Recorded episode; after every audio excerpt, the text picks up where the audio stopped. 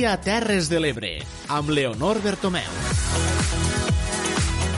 Hola, molt bon dia. Benvinguts a una nova edició de l'Aldia Terres de l'Ebre. Els acompanyarem en directe fins al punt de les 4 de la tarda amb el repàs informatiu de l'actualitat, entrevistes, seccions i l'espai de la tertúlia. Les Terres de l'Ebre van entrar ja ahir a la fase 3 de la desescalada i a poc a poc el territori es comença a preparar per a la reactivació turística a l'espera del desconfinament de l'àrea metropolitana de Barcelona. Des d'ahir ja està permesa la mobilitat entre les regions sanitàries de Tarragona i Terres de l'Ebre i avui Comissions Obreres ha demanat que es permeta també esta mobilitat entre les Terres de l'Ebre i les comunitats autònomes de l'Aragó i Navarra, que també es troben en fase 3, el que permetria avançar en la reactivació del sector turístic turístic. De tot plegat en parlarem en temps d'informatiu i també a l'espai de l'entrevista. Ara anem a començar el programa d'avui, com cada dia, recordant el nom de totes les persones que el fem possible i que són Tere Giné i Clara Seguí des de la Plana Ràdio, Núria Mora, Clàudia Ruiz i Xavier Falcó des de Ràdio Tortosa, Laia Oltra, Francesc Callau i Daniel Rodríguez des de la Cala Ràdio, Judit Castells i Jonathan Valls des de Ràdio Joventut, Eduard Carmona des de Ràdio Delta i Tomàs Ginestra, Jordi Galo i Manel Ramon des de Amposta Ràdio. Comencem ara amb el repàs més dels titulars més destacats d'este dimarts 9 de juny.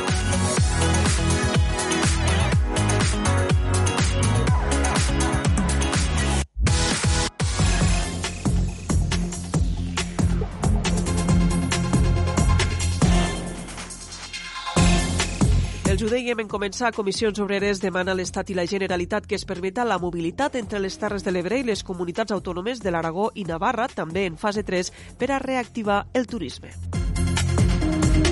La tercera fase de la desescalada permet ja la mobilitat entre les regions sanitàries de Tarragona i Terres de l'Ebre i, en este cas, a l'Ametlla de Mar, entre urbanitzacions veïnes.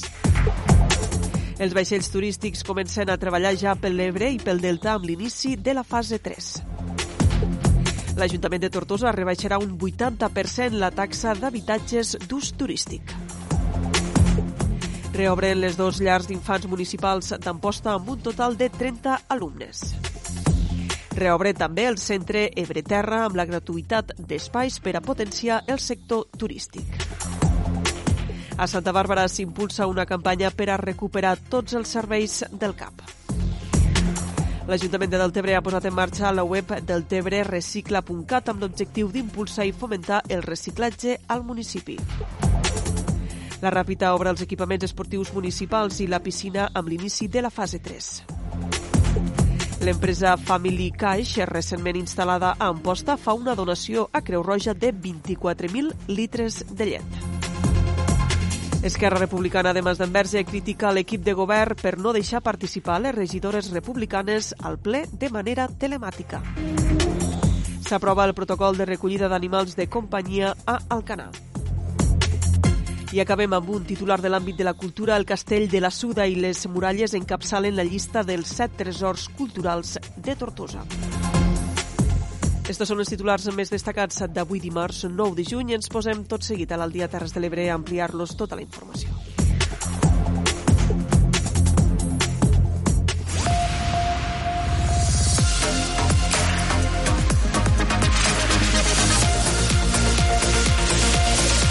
Al dia, les notícies de les Terres de l'Ebre. Obrim portada informativa. Les Terres de l'Ebre van entrar ahir a la fase 3, l'última de la desescalada. La principal novetat és que ja està permesa la mobilitat per pràcticament tota la demarcació de Tarragona en unificar-se les regions sanitàries del Camp i l'Ebre, un fet esperat sobretot pel turisme i també per la ciutadania. Ens ho explica Francesc Callau. La nova realitat de la fase 3 comença a millorar les expectatives del sector turístic de la costa de l'Ebre, especialment per la restauració i les activitats nàutiques. Un exemple és a l'Ametlla de Mar, el primer municipi veí amb el Camp de Tarragona. L'alcalde Jordi Gasani diu que aquestes setmanes seran una prova de cara a l'estiu, on la poca massificació del municipi serà un punt a favor. La gent té ganes de menjar bé, la gent té ganes de menjar peix, la gent té ganes d'anar a la platja, i, i bé, doncs aquí a la Mella de Mar i per sort a molts altres llocs també del nostre territori és una oferta doncs, que tenim i que a, a més a més eh, tenim una cosa bona, deixem de dir doncs, que també eh, la massificació eh, pues no és una de les coses, eh, no és un dels nostres punts forts, eh, sinó que eh, bé, doncs, anem cap a un turisme eh, doncs, més familiar, eh, és un tipus de turisme diferent, amb apartaments turístics, amb zones, eh, també hi ha hotels, però no una cosa massificada. Jo crec que això és una cosa que és bona, a part que el, això ho hem de sumar doncs, a, a una sèrie d'actius turístics diferenciadors que són importants, com són doncs, les nostres platges i cales, la nostra costa, la nostra gastronomia, eh, però sobretot jo destacaria també doncs, estos eh, 18 quilòmetres de cales i platges els qui també se'n beneficiaran d'aquesta mobilitat són els veïns de Calafat, a la Mella de Mar, i l'Almadrava, a l'Hospitalet, que ja poden moure's per amb dues urbanitzacions sense restriccions. Fins ara els accessos estaven tancats. Un exemple són Maria Vicenta i Antonio, un matrimoni que viu a Calafat i que ahir van anar a passejar per primer cop en tres mesos a l'Almadrava. La ilusió de bajar a ver el, el mar y a ver cómo estaba esta zona, porque nosotros, claro, cada día bajábamos aquí Y entonces ahora pues nos hemos privado de bajar porque claro tampoco no teníamos permiso. En esta zona estamos muy bien porque no viene, no viene mucha gente, ¿sabes? Aquí no viene mucha gente. Algunos ha escapado, algunos ha escapado, que se ha tenido que llamar y decir, a ver, mm, no hay gente aquí que parece que venían de fuera. Pero ha habido también vigilancia, sí, para que no entrara mucha gente aquí. Sí tenía ganas porque nosotros Antes de esto, pues cada mañana hacíamos nuestro deporte, veníamos aquí, corríamos, pero estos dos meses hemos estado un poco cohibidos aquí con el, con el virus este maldito. Tot i l'obertura de la mobilitat entre els municipis de la demarcació, els cossos policials continuaran fent controls per evitar l'entrada de ciutadans d'altres regions sanitàries. Efectivament, i de fet les esperances de moment són molt positives. Els vaixells de les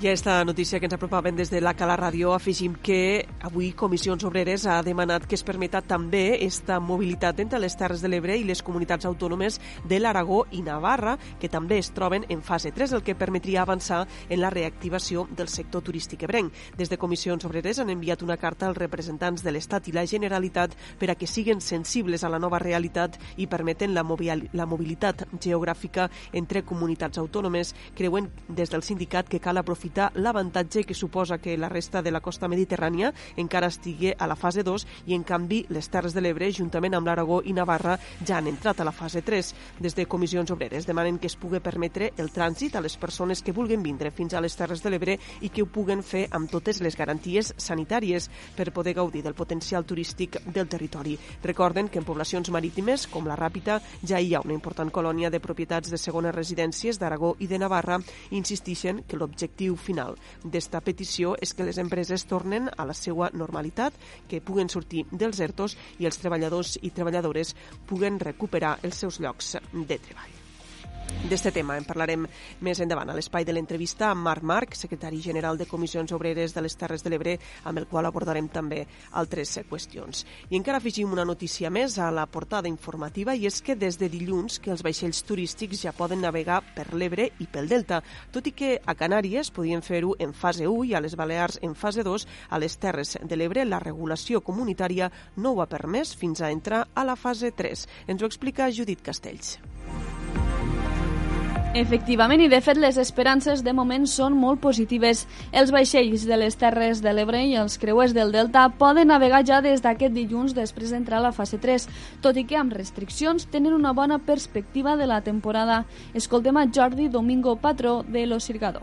Esperem, de moment, poder començar el més aviat possible amb gent del territori, d'aquí de proximitat, que entenem que tampoc la gent no viatjarà molt fora i aquí hi ha, molta, hi ha molts clients que repeteixen i utilitzen el cirgador per fer celebracions o sortir amb grup. A Tortosa, el cirgador de moment oferirà rutes turístiques acompanyades de context històric amb una guia a bord. Serà la nova normalitat quan se reemprendran les propostes gastronòmiques i musicals que caracteritzen aquesta embarcació a la que hi ha pujat gent aquesta setmana. Escoltem a Inés Mestre, veïna de Tortosa. Pues és una experiència única que ja estem acostumats perquè som d'aquí de Tortosa, ens agrada molt totes les Terres de l'Ebre i això pues, és magnífic. Parla també Xavier Beltrán, veí de Tortosa. Tenim totalment segurs perquè corre l'aire, esperem que no hi hagi ningú virus ni mig. a més a més que portem mascaretes i estem tots separats. Però jo crec que ens sentim super segurs, tranquil·litat. Les atraccions turístiques hauran d'acollir-se a la normativa que marqui l'Estat un cop s'entri a la nova normalitat.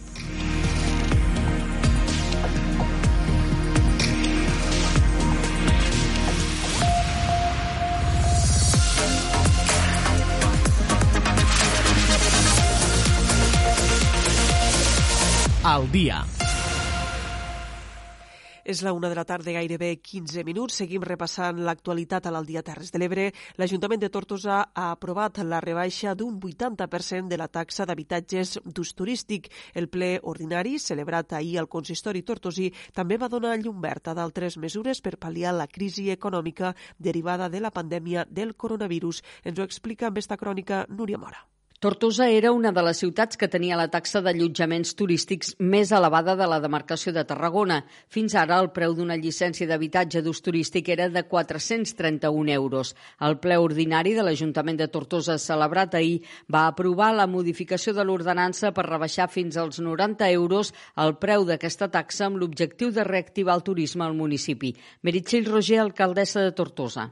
El que també creiem és que hem d'aprofitar aquestes oportunitats que tenim a nivell de, de ciutat de poder generar nous espais. Aquí no tenim eh, grans, eh, grans hotels i, per tant, el que creiem és que també ens cal poder ajudar amb aquests eh, particulars que tenen habitatges que els volen destinar a un ús turístic i, per tant, apostar per aquell turisme de famílies, aquell turisme que eh, la ciutadania també en reclama i assumir també que estàvem en una situació de que s'estava pagant una llicència de 431 euros per tal de poder obrir un habitatge turístic per tal de donar-lo d'alta, quan a la mitjana de, de la nostra demarcació eh, tothom estava al voltant dels 100 euros o, alguns casos, 20 o 50 euros i, per tant, el que han fet és establir una modificació d'aquesta tarifa que, situ, que se situa en 90 euros.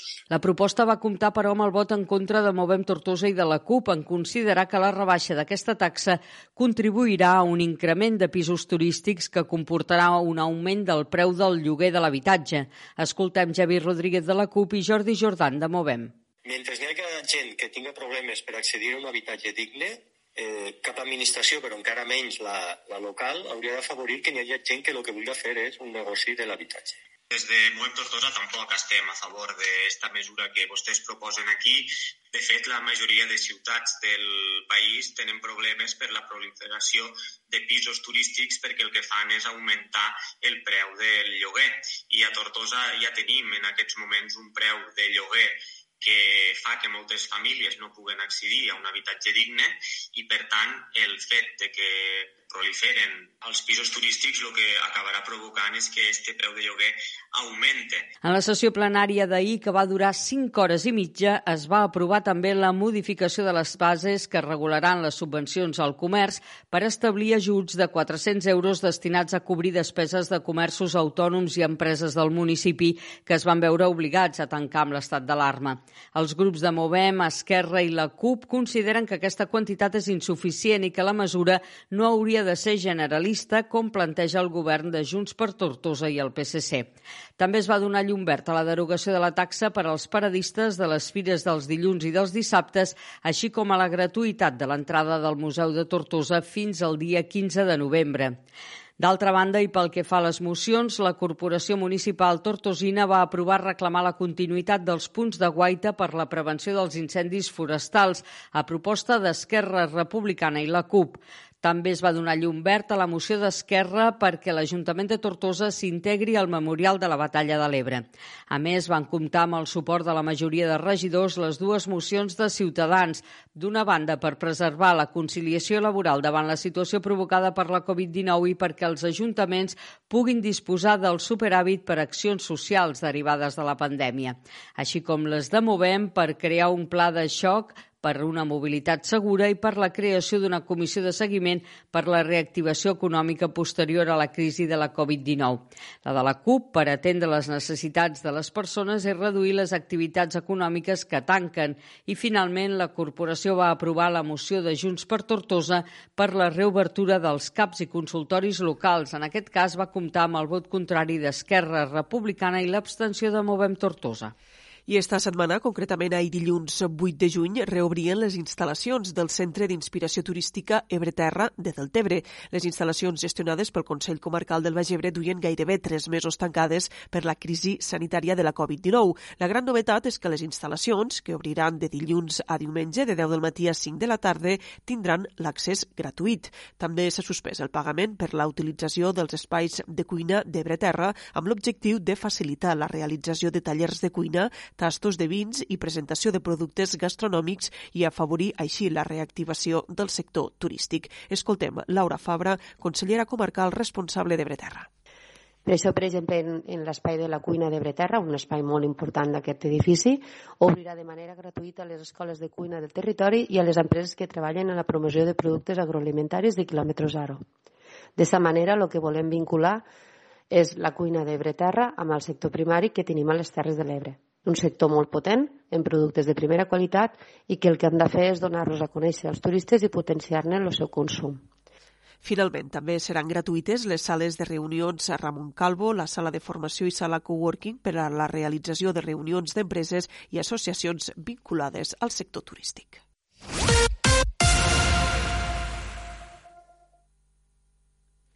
Ara fins a Amposta. Reobren les dos llars d'infants municipals amb un total de 30 alumnes. Es prenen totes les mesures de seguretat. També es fa atenció personalitzada sota demanda a alumnes de la resta de centres educatius de la ciutat. Ens ho explica Manel Ramon. Doncs sí, una trentena d'alumnes de les dues llars d'infants municipals, la Sequieta i la Gruneta d'Amposta, van retornar ahir a les aules. Han reobert així aquests dos equipaments municipals complint tots els criteris establerts pel Departament d'Educació per a l'assistència dels infants. Només alumnes matriculats abans del 12 de març, majors d'un any i prioritzant sempre els fills i filles de famílies obligades a fer treball presencial. S'ha ofert la possibilitat a totes les famílies i s'ha pogut donar resposta a tota la demanda que s'ha rebut, segons que ha assenyalat la regidora d'Educació de l'Ajuntament d'Amposta, Núria Marco, tot destacant que aquesta trentena d'alumnes representa un 20% de la capacitat de les llars d'infants. Les llars han obert amb jornada intensiva habitual del mes de juliol fins les 3 de la tarda i amb servei de menjador amb carmanyola per evitar més entrades i sortides al centre, ja que les mesures de protecció obligatòries per evitar l'acumulació de mares i pares a les entrades i sortides dels dos centres dificultaven l'horari de matí i tarda. A més, el pati s'ha dividit en diferents espais perquè cada grup utilitzi el mateix espai i no hagi contacte entre alumnes de diferents classes. Finalment, com a mesura de prevenció i seguretat, s'ha prioritzat l'ús d'objectes de plàstic en comptes de tela o materials porosos, ja que són més fàcils de netejar.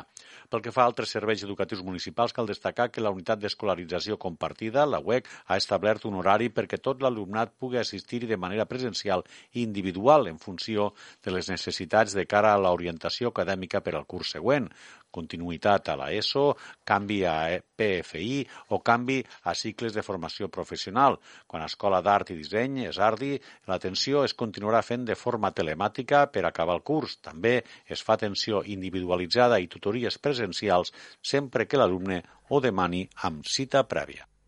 Anem ara a Santa Bàrbara, on s'ha impulsat una campanya per recuperar els serveis del CAP. La petició, engegada per una veïna de Santa Bàrbara mitjançant la plataforma change.org, demana que tornen tots els serveis del CAP, el de pediatria, odontologia, llevadora i el servei de metge d'urgència durant les nits, els caps de setmana i els festius. Ens ho explica Tere Giner la implementació progressiva que s'ha anunciat des de la regió sanitària de les Terres de l'Ebre, en la que el centre d'assistència primària recuperaran progressivament la normalitat, no ha estat ben acollida per la ciutadania.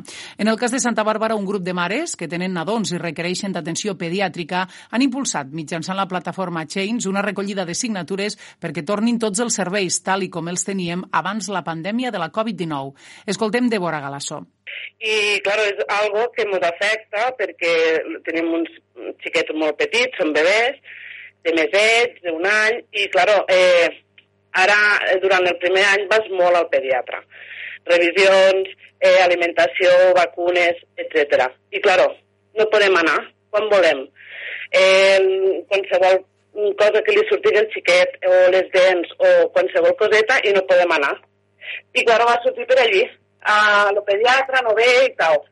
I, claro, pues vam dir, i per què no fem una queixa a CatSalut? Galasso ens recordava que tot torna a la normalitat, menys el servei mèdic i un metge de 8 del matí a 8 de la tarda no és suficient. Trobo que ens hem de moure per saber que, quina és la intenció que porten, perquè com estan tardant tant, tot està quasi tornant a la normalitat i, i, i el que és el servei mèdic està aquí estancat.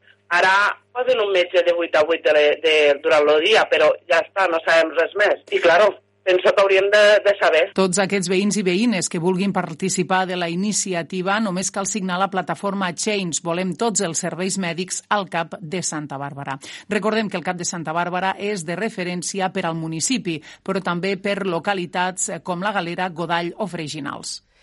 I de Santa Bàrbara a Deltebre, on l'Ajuntament ha posat en marxa la web deltebrerecicla.cat amb l'objectiu d'impulsar i fomentar el reciclatge al municipi, tenint en compte que Deltebre és un dels municipis que menys recicla de les Terres de l'Ebre, amb una taxa de recuperació de residus de només un 39,14%, molt per sota de la mitjana catalana i lluny de l'objectiu europeu de reciclatge del 50% per a este 2020. A la web deltebrerecicla.cat es pot trobar consells i guies sobre com millorar millorar el reciclatge. D'altra banda, el govern municipal treballa també per l'elaboració d'una agenda d'acció climàtica per a fer un pas endavant en les polítiques ambientals que s'estan duent a terme des de l'Ajuntament de Deltebre. També s'està treballant en un decàleg de bones pràctiques en el qual es pretén, per exemple, reduir el plàstic d'un sol ús a les dependències municipals o el foment de l'ús de la bicicleta entre els treballadors de l'Ajuntament. Escoltem Joan Lucas, regidor d'Imatge de Poble i Polítiques Ambientals de Deltebre.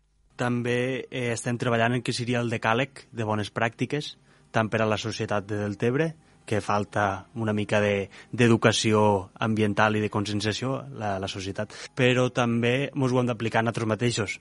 I també este, dins el mateix decàleg també anirien eh, adequacions o, o accions per a reduir el consum de plàstic als edificis municipals, millorar el reciclatge o inclús fomentar l'ús de la bicicleta entre els treballadors i entre la població.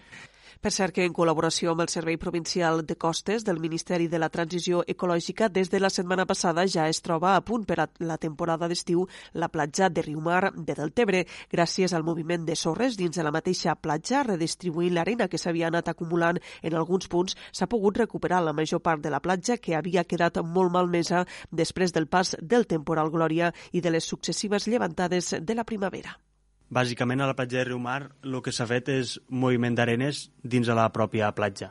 O sigui, tenim unes dunes molt grans eh, a la part de les passarel·les mm -hmm. i s'ha aprofitat la mateixa sorra d'allí, s'han tret eh, dunes que no tenien vegetació, per tant no tenien, eren dunes mòbils sense vegetació i s'ha aprofitat aquesta sorra i s'ha tirat a la costa guanyant fins a 25 metres de costa. Per cert que tot just fa uns minuts hem conegut que la platja de Riumar de Deltebre ha renovat el distintiu de la bandera blava per a aquest estiu del 2020.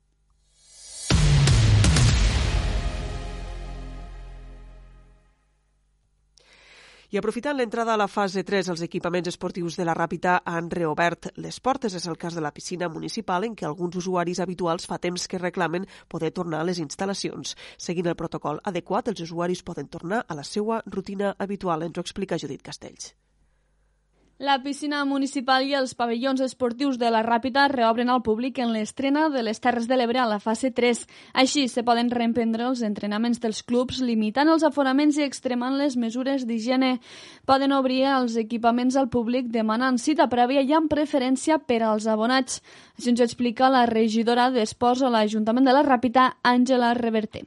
A mi m'ho havien preguntat ja diversa gent que, que quan podríem vindre a nedar, que quan obriríem la piscina i de fet avui pues, ja coincidint en que entrem en fase 3 i aplicant totes les mesures de seguretat que, que han fet falta pues, ja hem pogut obrir i ja, ja com podeu veure tenim aquí gent ja puguen disfrutar de, del ratet de nedar. En la modalitat de piscina esportiva, l'ocupació serà només d'una persona per carril o bé d'un màxim de quatre si són de la mateixa unitat familiar. En la modalitat de piscina recreativa, l'aforament serà d'un terç de la capacitat, és a dir, de 25 persones. antes entrava, tota la gent entrava pel, pel mateix lloc d'entrada i sortida i ara hem establert un circuit d'entrada, entren per, per un costat de la piscina, és l'entrada, allí troben eh, les mesures higièniques per a desinfectar-se el calçat, els peus i també eh, lo, les solucions d'hidroalcohol per a també desinfectar-se les mans i després quan acaben eh, surten per l'altre costat de la piscina. De moment en fase 3 els vestuaris no els utilitzem. A les altres instal·lacions esportives municipals, els clubs poden demanar fer ús dins l'horari de 10 a 1 del migdia i de 4 a 8 de la tarda. S'aplicarà una limitació d'aforament a un màxim de 15 persones, exceptuant si la instal·lació permet dividir la superfície. Seguim en la crònica municipal. L'empresa Family Cash, recentment instal·lada a Amposta, ha fet una donació a Creu Roja de 24.000 litres de llet. Esta seria la primera resposta positiva a la demanda de l'alcalde Adam Tomàs a les diferents grans superfícies per ajudar a pal·liar els efectes socials de la Covid-19. És una crònica de Manel Ramon. L'empresa d'alimentació que darrerament va obrir les seves portes en posta, Family Cash, ha fet donació aquest dilluns al matí de fins a 24.000 litres de llet a la Creu Roja d'Amposta per tal de garantir el subministrament d'aquest producte de primera necessitat. Aquesta donació és part de la resposta a la petició de l'alcalde d'Amposta d'Am Tomàs que va fer fa unes setmanes enrere a totes les cadenes de supermercats i hipermercats amb presència a la ciutat. A través d'una carta, recordem, l'alcalde va apel·lar a la solidaritat i la responsabilitat social empresarial de totes aquestes grans companyies per aportar una petita part de la facturació d'aquests mesos a les ajudes socials que s'estan desenvolupant des del consistori o des de qualsevol de les entitats que col·laboren al municipi. L'alcalde va valorar molt positivament aquesta donació de 24.000 litres de llet de la Creu Roja a Amposta, que recordem també a la vegada es farà arribar a altres entitats solidàries com Càritas o Siloé, tal com explicava la responsable i presidenta de la Creu Roja d'Amposta, Teresa Retge. Vam, vam recollir d'una entrega de llet, 24.000 litros, que va recollir Creu Roja, però que, com no podia ser d'una altra manera, arribarà també a les altres entitats que estem treballant en, la, en el mateix sentit eh, agrair, agrair a tots els que ho han fet possible i sobretot a la empresa que un moment en el que s'instal·len arriba a fer la donació i es fa solidària en els moments en què estem en el que estem patint les entitats, ja que ha crescut entre un 20 i un 25 més les demandes a la, al municipi. Per tant, eh, creiem que hi ha que donar-li les gràcies i el vistiplau a la empresa que ha tingut esta esta solidaritat en Amposta. Doncs aquesta és notícia solidària que arriba des d'Amposta a l'acte que es va celebrar ahir al matí a Family Cash i van assistir la regidora de Serveis Socials i Salut de l'Ajuntament d'Amposta, Susana Sancho, la presidenta de Creu Roja d'Amposta, qui ens parlava fa una estona, Teresa Retxe, i la responsable de les botigues Family Cash, Maria Dolores Moya. Més qüestions a l'Aldia Terres de l'Ebre. Esquerra Republicana de Mas d'Enverge critica l'equip de govern de Junts per Mas d'Enverge de no deixar participar al ple municipal a les regidores republicanes de manera telemàtica. Ens ho explica tot plegat Judit Castells. Doncs sí, una polèmica que es va visualitzar a través de les xarxes socials quan la portaveu d'Esquerra Republicana, Sonia Tomàs, a l'oposició de l'Ajuntament de Mas d'Enverge, governat per majoria absoluta per Junts per Mas d'Enverge, amb René Gonel al capdavant, va lamentar via Facebook que no s'acceptés a les dues regidores d'Esquerra Republicana a participar en el ple municipal via telemàtica. Tomàs en reclamava que no se'ls hagués donat resposta a la seva petició de participar-hi telemàticament i ho atribuïa a falta de transparència i empatia. És un dia trist per a nosaltres, per a mi com a regidora que fa quasi 12 anys que ho soc i per a la meva companya Alba Gil, que serà la primera vegada en aquesta legislatura que hem de faltar a un ple per la negativa de, del seu alcalde d'autoritzar-nos a exercir el nostre dret de connectar-nos telemàticament al ple i no de manera presencial com s'ha convocat per la nostra situació de vulnerabilitat com a persones de risc. Afegia també que s'havien vulnerat els drets de l'oposició i que el dilluns presentaria un certificat mèdic per la seva condició com a persona de risc. Anem ara al canal. El protocol de recollida d'animals de companyia perduts, abandonats o trobats a la via pública ha estat aprovat definitivament després que el ple municipal li hagi donat el vistiplau i no s'hagi presentat cap al·legació. Ens ho explica Tere Giner.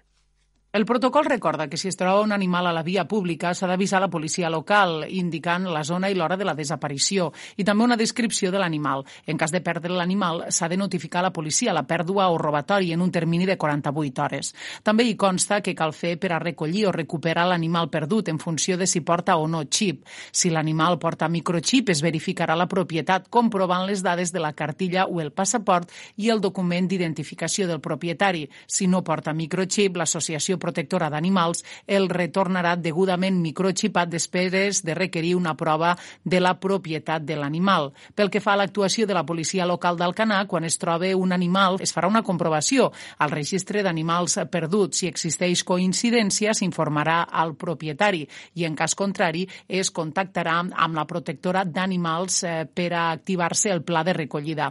Quan es rebi un avís d'un animal perdut, s'inclourà també el registre de perduts i es faran les comprovacions informacions respecte a animals eh, trobats per si hi ha alguna coincidència. Si la policia troba un animal mort, es fa la lectura del microchip. En cas eh, de que en porte, s'avisa als propietaris. Si no en porta, es fa una foto i s'envia juntament amb la ubicació a l'Associació Protectora d'Animals. L'alcalde d'Alcanar, Joan Roig, remarcava que amb aquest document el consistori fa un pas més en la protecció dels animals, la lluita contra l'abandonament i la conscienciació envers la utilització de l'espai públic per part de tota la població. Canviem ara d'arguments. Societats de caçadors del Delta de l'Ebre, coordinades per la Federació Catalana de Caça amb el Parc Natural i els Regants, han instal·lat 113 rampes als canals de regadiu en este espai natural protegit per evitar que exemplars d'aus aquàtiques, principalment ànecs, acaben morint. L'altura de les parets de les canalitzacions dificulten la sortida de les aus i, en molts casos, acaben sent víctimes de depredadors, com ara els gavians. La construcció de rampes d'obra es complementa cada any amb la instal·lació provisional a l'època de cria.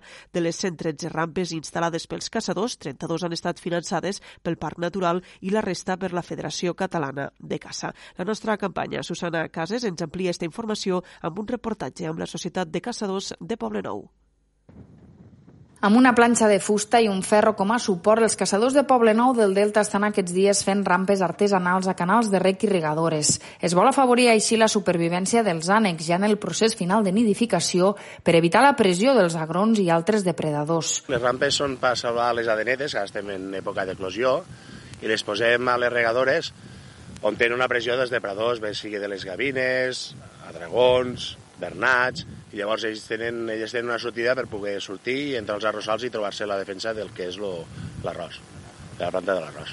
És el quart any consecutiu que ho fan i tret d'enguany per la pandèmia reben la col·laboració del Parc Natural del Delta.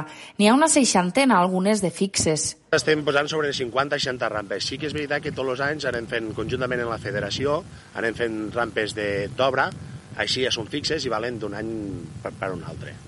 El problema de la regadora no és ben bé que, que, que, el, que la deneta s'ofegue, sinó la pressió que té eh, dels depredadors, que li donen molta pressió, o bé la depreden o bé fan que s'ofegue. La neteja de les llacunes de l'encanyissada i la tancada o la retirada de plàstics i cartutxos són altres activitats que realitza durant l'any la Societat de Caçadors del Poble Nou, que té uns 200 socis i està encapçalada per una junta amb una mitjana d'edat que no arriba als 40 anys.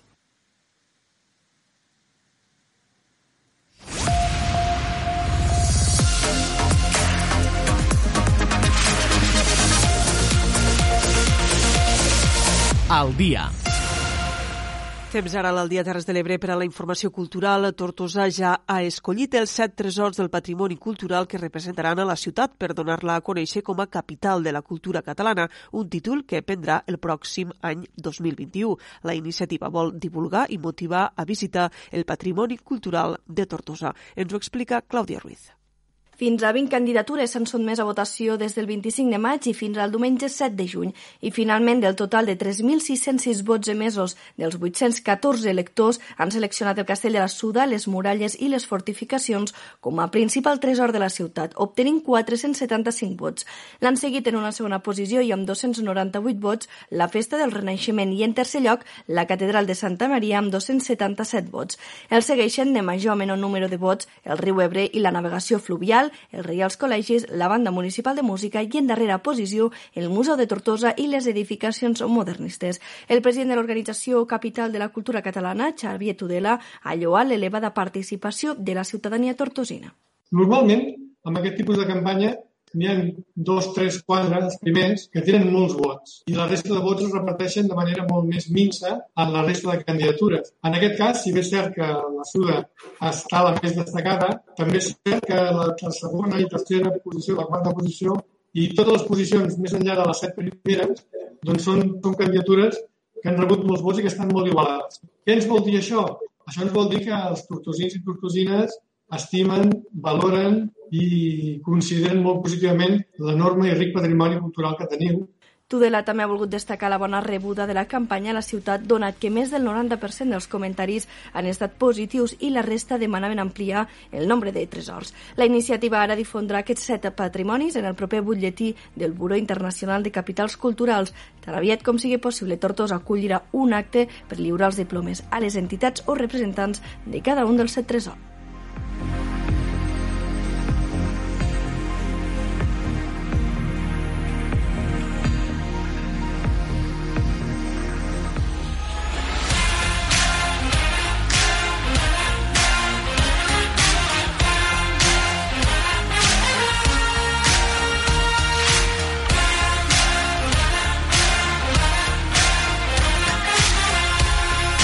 Dia, els esports de les Terres de l'Ebre. Ens ocupem ara de la informació esportiva al dia Terres de l'Ebre. El primer equip de futbol de la Mella de Mar ja ha fet públiques dos noves incorporacions a la plantilla de cara a la pròxima temporada. Es tracta de l'Eix Céspedes i Alberto Faura procedents del Catllà i el Salou, respectivament. Amb les incorporacions d'Aleix Céspedes i Alberto Faura en les darreres hores, Ivan Romeu, tècnic del primer equip de futbol de la Cala, tindrà pràcticament tancada la plantilla de la pròxima temporada. Ara caldrà esperar a la que es preveu que sigui l'última incorporació, un jugador d'atac a ser possible amb gol, posició per a la qual es valoren diverses possibilitats. Quan a les novetats, Aleix Céspedes, migcampista ofensiu, que sol jugar per dintre, arriba procedent del Catllà de la primera catalana, equip en el qual va recalar l'any passat després de passar pel Vilaseca, juvenil de divisió d'honor. La temporada passada, tot i la seva joventut, va jugar 18 partits amb l'equip del Tarragonès, sis dels quals de titular. Per la seva part, Alberto Faura és un vell conegut de l'afició calera, ja que va estar un curt període de temps a les files blaugrana durant la temporada 2015-2016. Faura és un jugador ràpid i hàbil en l'1 contra 1.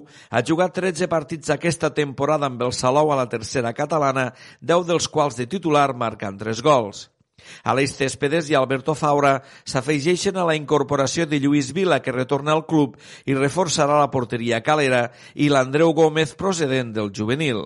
El club també ha renovat el porter Néstor González i els defenses Cristian Paradas i Florin Teidler, que completaran la plantilla amb els locals Sam Garcia, Javi Callau, Jordi Boyer, Javi Faiges, Josep Madrid, Frui Martí, Ivan Fernández, Ramon Pitarque, Jordi Lleó, Sergi Callau i els germans Sergi Marbrull.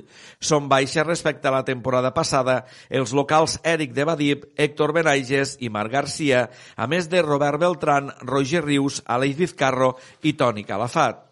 Inicialment la plantilla estarà formada per 20 jugadors, tot i que els jugadors procedents del juvenil, Marc Pallarès, Javi Califi, Alejandro Beza, Genís Consarnau i Jordi Callau, faran la pretemporada amb l'equip calero per mirar de convèncer l'entrenador Ivan Romeu.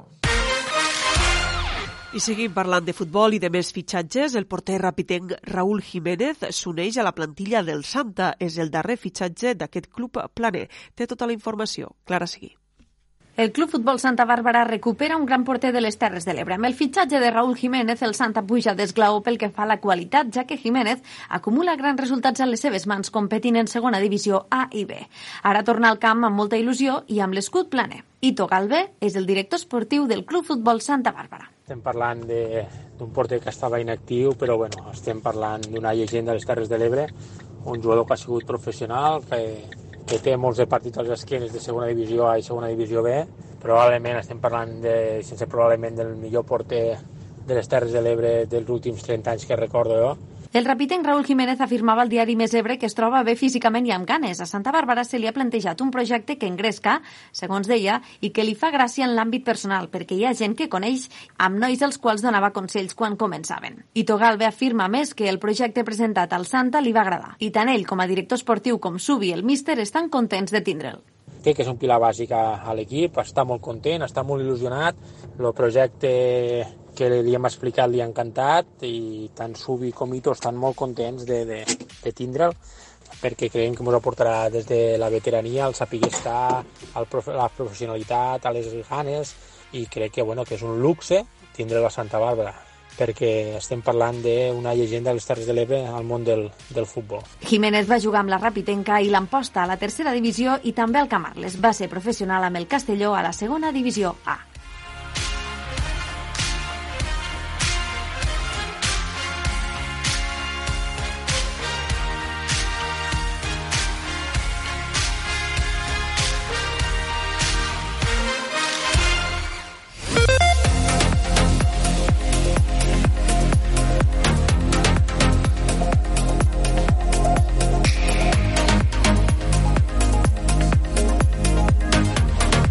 Temps ara al dia per a l'entrevista. Des de l'inici de l'estat d'alarma pel coronavirus, que va obligar la paralització de l'activitat no essencial, ja es preveia que la crisi sanitària de la Covid-19 acabaria transformar-se en una crisi social i econòmica de grans magnituds. Gairebé tres mesos després, segons dades del Departament de Treball i Afers Socials, a les Terres de l'Ebre s'havien presentat fins al maig 2.304 expedients d'ERTOs amb 9.366 treballadors afectats. Les dades de la l'atur no són molt més esperançadores, amb 10.983 persones aturades al mes de maig. La taxa de l'atur era al Baix Ebre del 14,28%, al Montsià del 14,41%, del 12% a la Ribera d'Ebre i en el cas de la Terra Alta la xifra més baixa del 8,5%. Hem de dir que per analitzar tot l'estat de la qüestió saludem avui a l'espai de l'entrevista a Marc Marc, secretari general de Comissions Obreres a les Terres de l'Ebre. Marc, molt bon dia. Bon dia i moltes gràcies per convidar-me. Com valora la situació actual a les Terres de l'Ebre a partir de les xifres que hem donat ara? Hi ha marge per a l'esperança i per a millorar aquestes dades amb el pas del territori a la fase 2 i a partir de la fase 3 a partir del pròxim dilluns? Eh, per una banda, per una banda les, les dades no, no es poden valorar positivament perquè realment que a banda de tota la gent que estava a l'atur que hi hagi 9.000 famílies, 9.000 persones i 9.000 famílies segurament que han anat a l'atur durant aquests tres darrers mesos, això no, no podem estar gens contents de, de, de què està passant.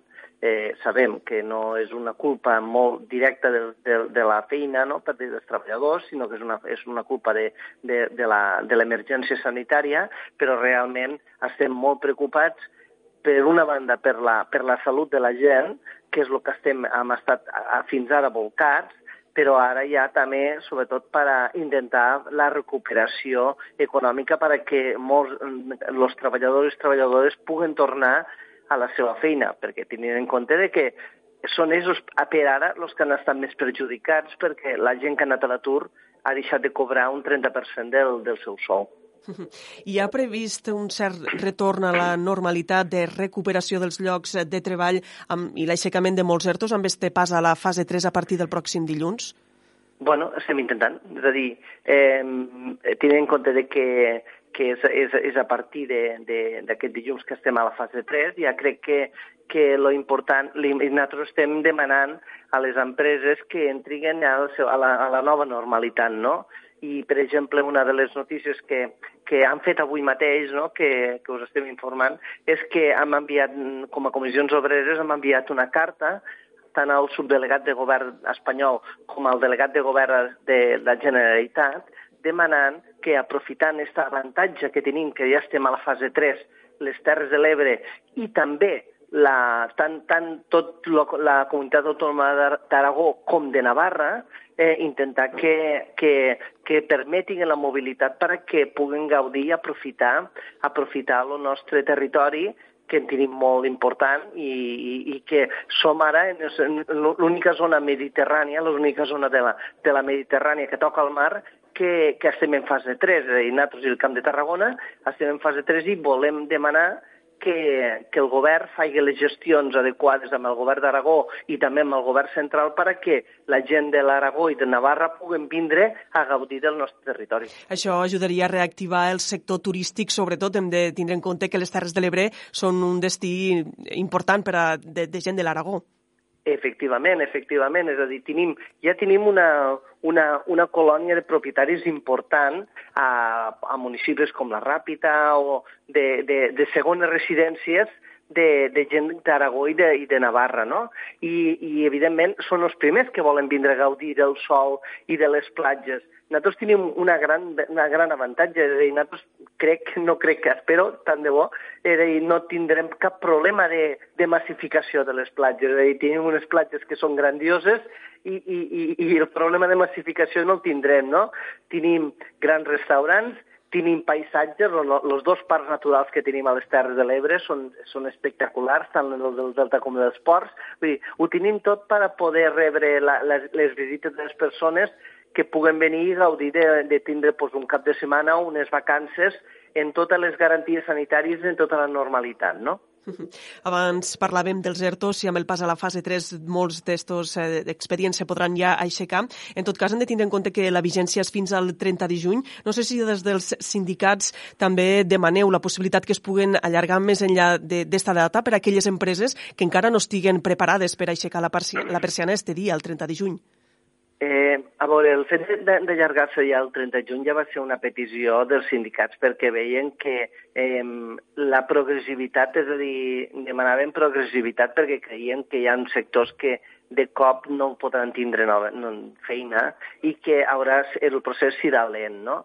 Eh, sabem, sabem que tant els sindicats majoritaris eh, Comissions Obreres a Madrid està negociant, s'està negociant intentar que puguen haver-hi un, una, pròrroga, una nova pròrroga, però són, per ara són especulacions perquè, evidentment, pues, eh, eh, tenint en compte de que això, és a dir, eh, eh, representa molts de diners per a, per a l'administració, pues, bueno, s'ho estan pensant, però sí que nosaltres ho estem demanant per a que hi aquesta progressivitat perquè sabem determinats sectors, mm, si comencen a de cop, no podran trobar feines, no?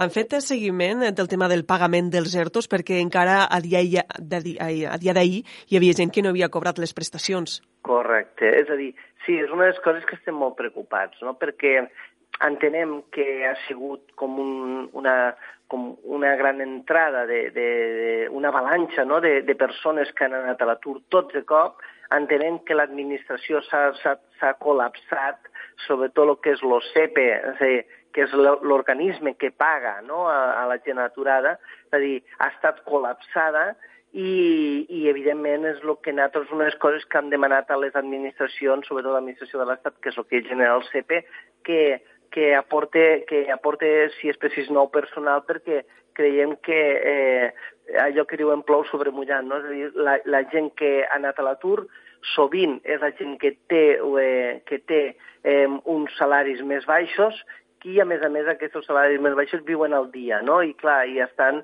en, en, a nivells, de, no dic de pobresa, però de quasi pobresa, perquè, sabe, és a dir, viuen al, al que cobren cada mes.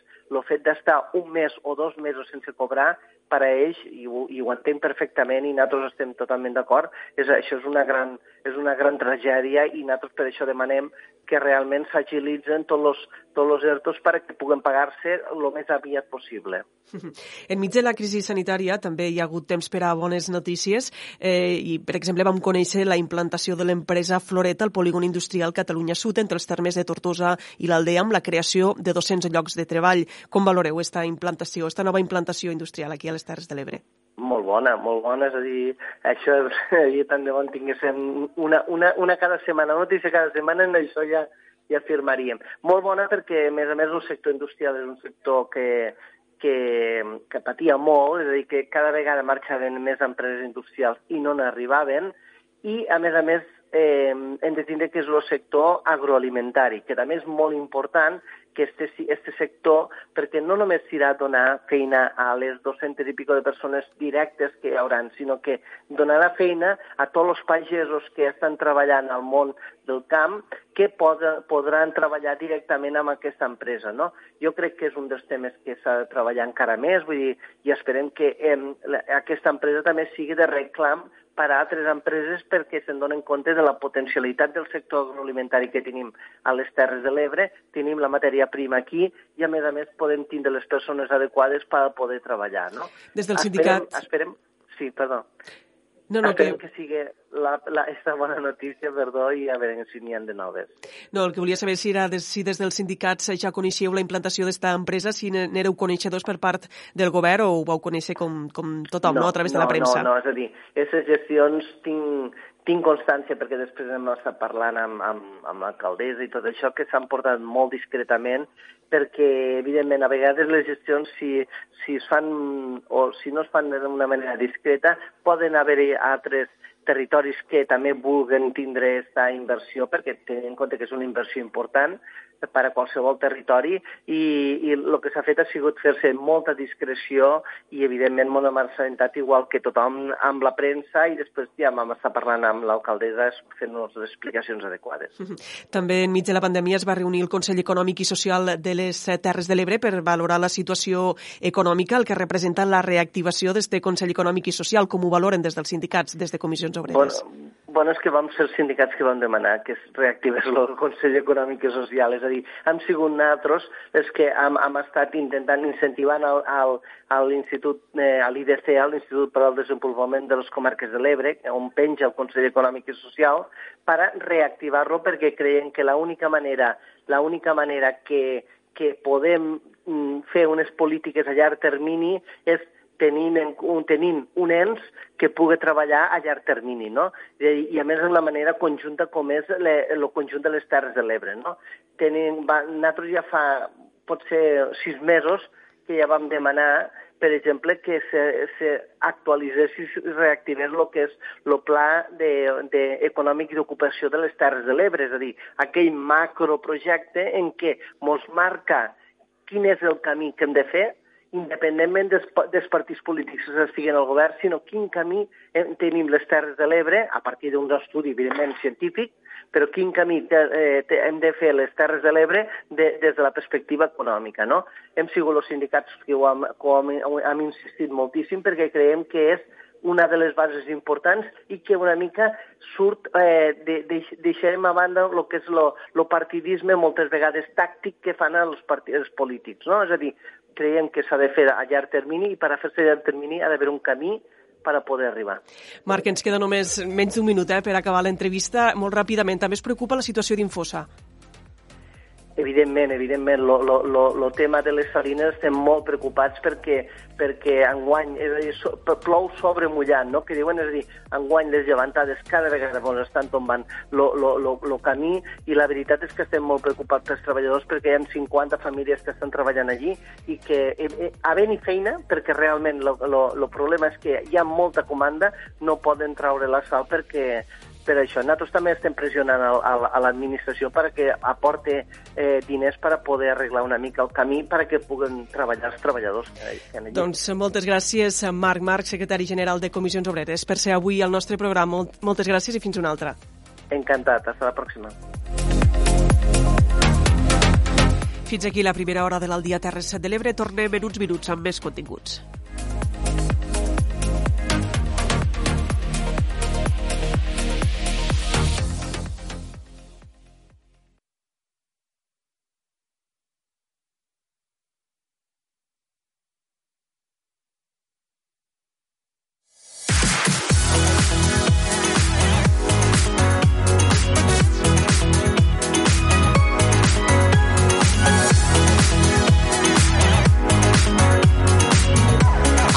Dia Terres de l'Ebre, amb Leonor Bertomeu. Dos de la tarda i quatre minuts, benvinguts a la segona hora de l'Aldia Terres de l'Ebre. Avui tindrem la secció de Poble en Poble, en la que anirem fins a Ulldecona. També parlarem d'educació amb Clàudia Ruiz i conversarem amb Joan Agustí Ramírez. Ja saben que ens poden seguir a través de la Plana Ràdio, de Ràdio Tortosa, la Cala Ràdio, Ràdio Joventut, Ràdio Delta i Amposta Ràdio. Ara abans d'entrar en matèria, repassem els titulars més destacats d'avui dimarts 9 de juny.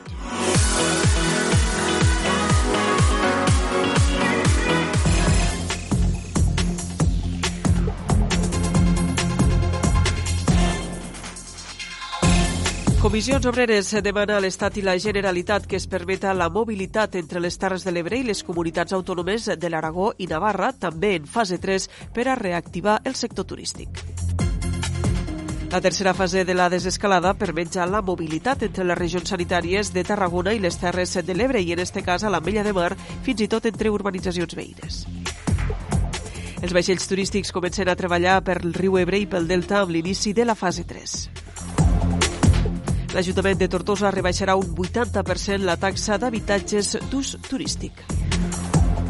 Reobren les dos llars d'infants municipal d'Amposta amb un total de 30 alumnes i reobre també el centre Ebreterra amb la gratuïtat d'espais per a potenciar el sector turístic.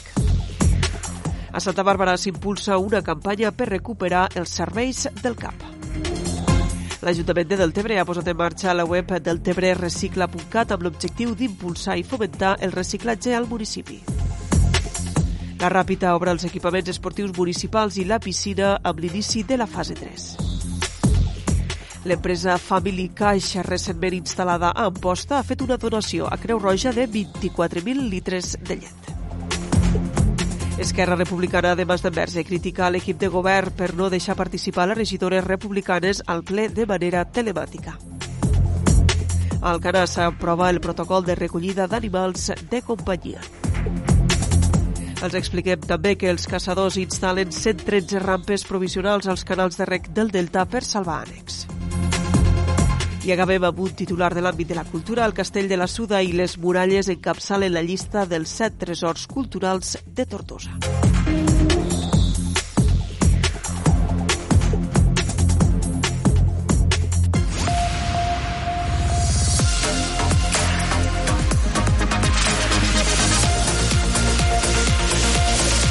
Al dia.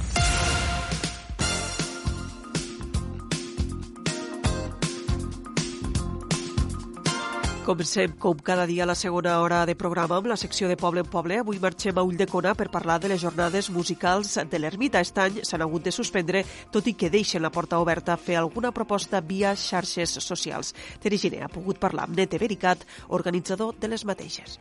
Aquest any no tindrem les setzenes jornades musicals de l'Ermita de la Pietat eh, d'Ulldecona, unes jornades musicals que són de referència al nostre territori, que es porten a terme aquest cicle de concerts eh, durant l'estiu i que s'han tingut que suspendre a causa de, de la Covid, al igual que moltes altres activitats culturals. Tenim a Nete Vericat. Eh, ell és l'alma mater d'aquestes jornades i segurament la persona que millor ens parlarà de les mateixes. Nete, benvingut i molt bon dia. Hola, molt bon dia. No ens imaginàvem mai tenir que suspendre les jornades musicals perquè heu passat situacions complicades, difícils eh, econòmicament, però sí, sí. un virus és el que ha fet que aquesta edició s'aplacen. Pues sí, igual que nosaltres suposo que moltíssima altra gent, no, no t'ho planteges mai. Pues veges molts escenaris, però un escenari com este, que suspendre per aquestes raons, la veritat és que és una mica quasi ja eh, com si estiguessis dins d'una sèrie de, de, de postapocalíptica, no? o alguna així, no? de, de, de, de confabulacions, conspiranoies i coses d'aquestes, i aquí estem, forçats a, per ara a prendre aquesta decisió, encara no la creguéssim, la veritat. Uh -huh. En quin punt estaven les jornades d'aquest any? Ja les teníeu, eh, com aquell que diu, eh, mig embastades o en quina situació estaven? Sí, sí, sí, el 75% ja estava tot eh, fet, acordat, eh, i, bueno, menys mal que no teníem, com som, tampoc no som molt grans, o sigui, no és un cicle que sigui molt gran, pues encara no, eh, també ens esperàvem a fer lo, les assegurances de cancel·lacions, eh, contractes amb les bandes i de més. O sigui que, per exemple, hi ha eh, altres cicles eh, que ho porten empreses, management, que són infraestructures molt més grans, estos sí que ho passaran molt, molt, molt, molt magre perquè ho tenen que suspendre tot i perdran moltíssims diners. Abans, a banda també tenien, eh, havien eh, invertit en diners de, de prevenda d'entrades, cosa que nosaltres no, no han fet. Uh -huh. Però bueno, això no trau de que per al món de la cultura això és i serà un drama durant molt, molt, molt de temps. Tu estàs en, contacte, eh... estàs en contacte amb músics i gent de l'àmbit de la cultura. De sí, fet, dies enrere sí. també mos ho avançaves, no?, que la situació sí. serà dramàtica en aquest sentit. Sí, tota la gent que conec jo que són eh, músics, que ja era prou complicat ser músic i guanyar-se la vida, eh, tota la gent que treballava directe o indirectament, en agències de management, eh, productores, tècnics de so, tot el que l'envolta, eh, estan parats al 100%.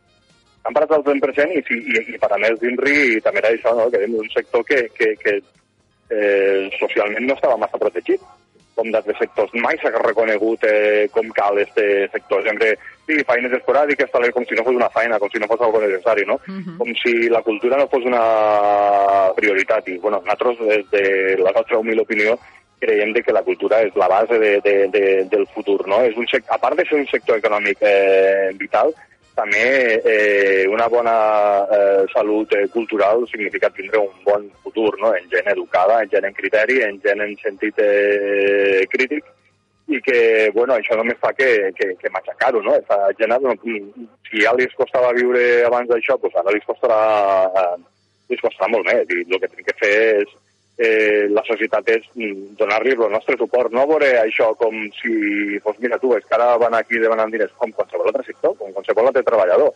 Eh, la gent de vegades, i moltes vegades des de les grans esferes eh, polítiques, eh, no es mima a la cultura, sempre se veu com algo eh, totalment prescindible, i, i en aquest punt estem. Uh -huh. L'altre dia sentint a la, la roda de premsa del ministre de Cultura, la veritat és que donava una mica de, de vergonyeta sentir-li dir aquelles coses i, i actuar en aquell desconeixement de causa. O sigui, és impossible no? que, per exemple, un, eh, un altre ministre o un conseller d'una altra àrea eh, entre cometes, més bàsica, pugui parlar en aquestes coneixents d'aquest món, no? Uh -huh. Bueno, i així estem, no? I, i això, el futur és de que deriva en unes, eh, en unes problemàtiques que, que ens porten a això, a cancel·lar quasi el 100% de tots els eh, events, o en altres llocs que sí que hi ha la possibilitat, inclús nosaltres estem valorant la, la, la, la forma de, de fer-ho, pues canviar el concepte, no? O sigui, canviar lo fet de fer música en directe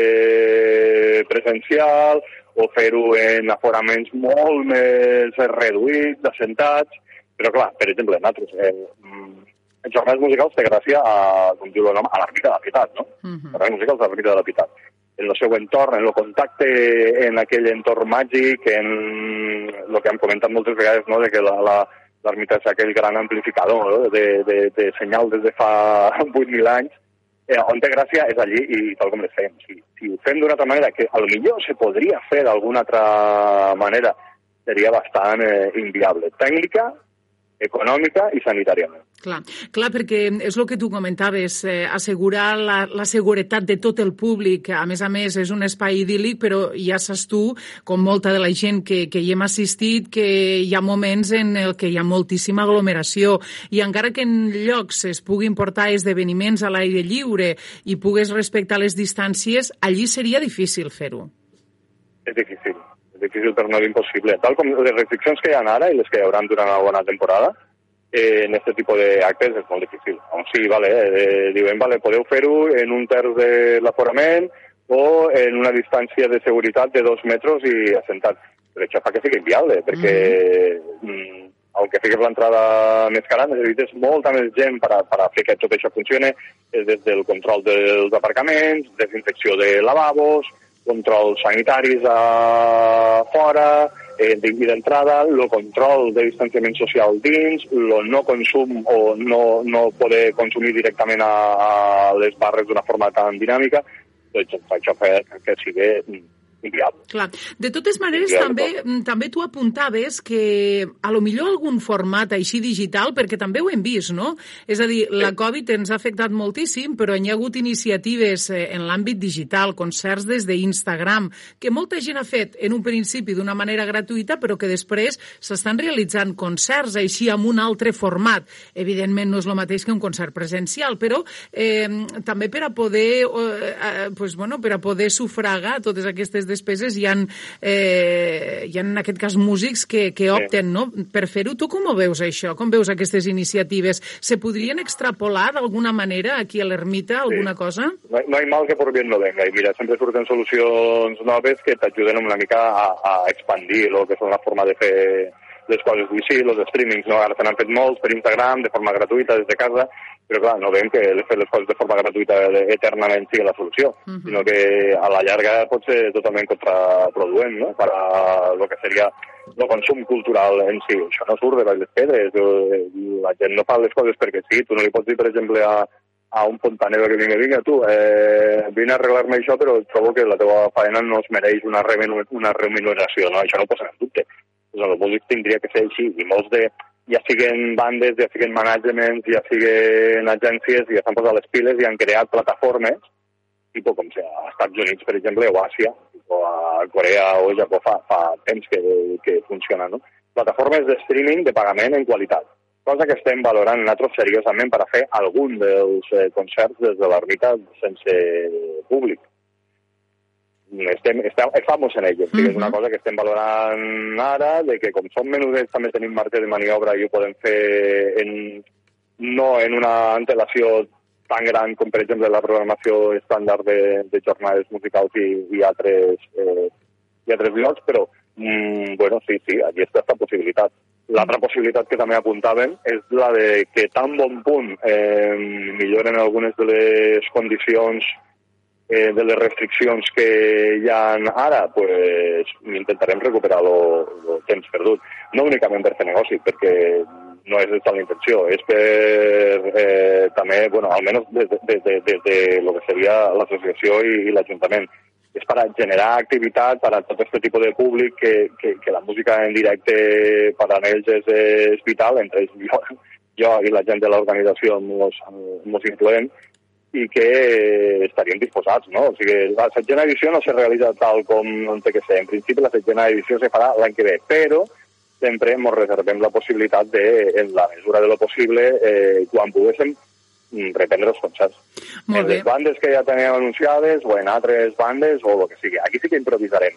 I nosaltres tenim cert marge de, de poder improvisar. Uh -huh.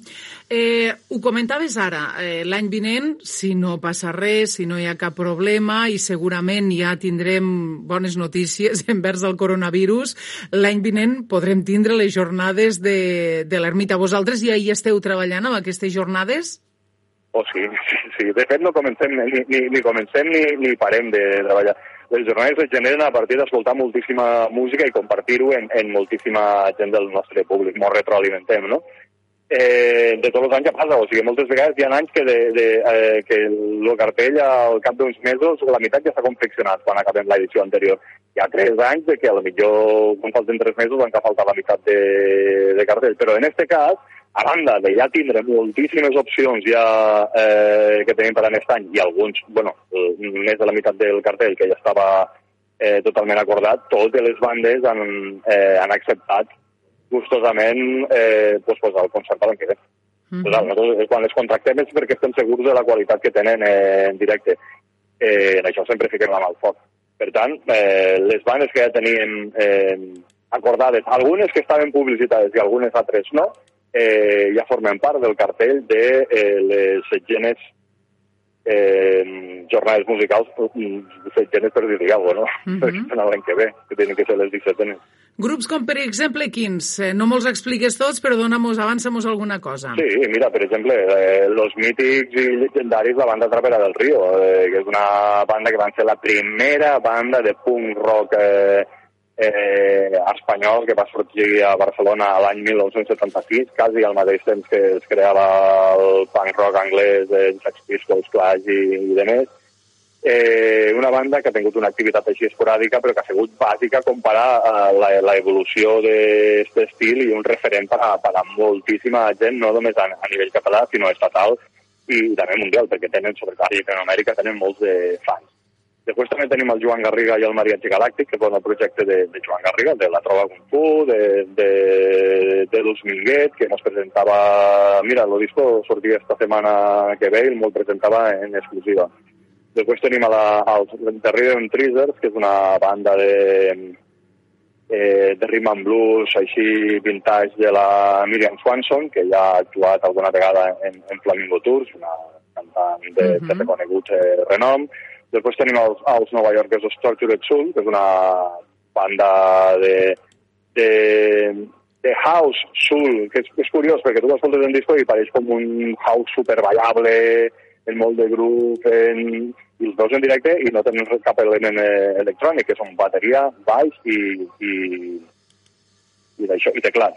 Eh, una banda que tant als Estats Units com, per exemple, bueno, sobretot a Àsia i a Sud-àfrica, eh, foten unes gires superguapes. El concert que tenen que fer a l'única data a tota Espanya i han acceptat també vindre per a l'any que ve. Després els italians, la New ai, la North Ska eh, Orquestra, que és una banda italiana de, de ska, de rocksteady, de, que formada per 24 músics del nord d'Itàlia, giren arreu del món també. I més, eh, Los Benicarlandos Palo Domado, banda, una banda nova que jo trobo que ho tenen tot com per a poder triomfar, són d'aquests punts que ens agrada descobrir per al gran públic eh, Funky Chef DJ, que és, és un DJ, però és un DJ que ja va punxar l'any passat i és un DJ d'escratch. Mm, Veure en ell punxar. La música, les barreges que fa a tres plats de vinil, tots a la vegada, en aquella maestria i, i en aquell sentit del ritme, és realment al·lucinant.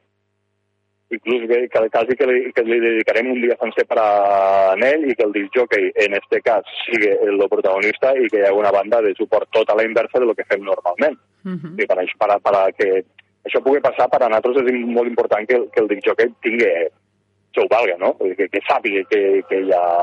Eh, que cree eh, sons a partir de la música que fan, que fan altres. Uh -huh.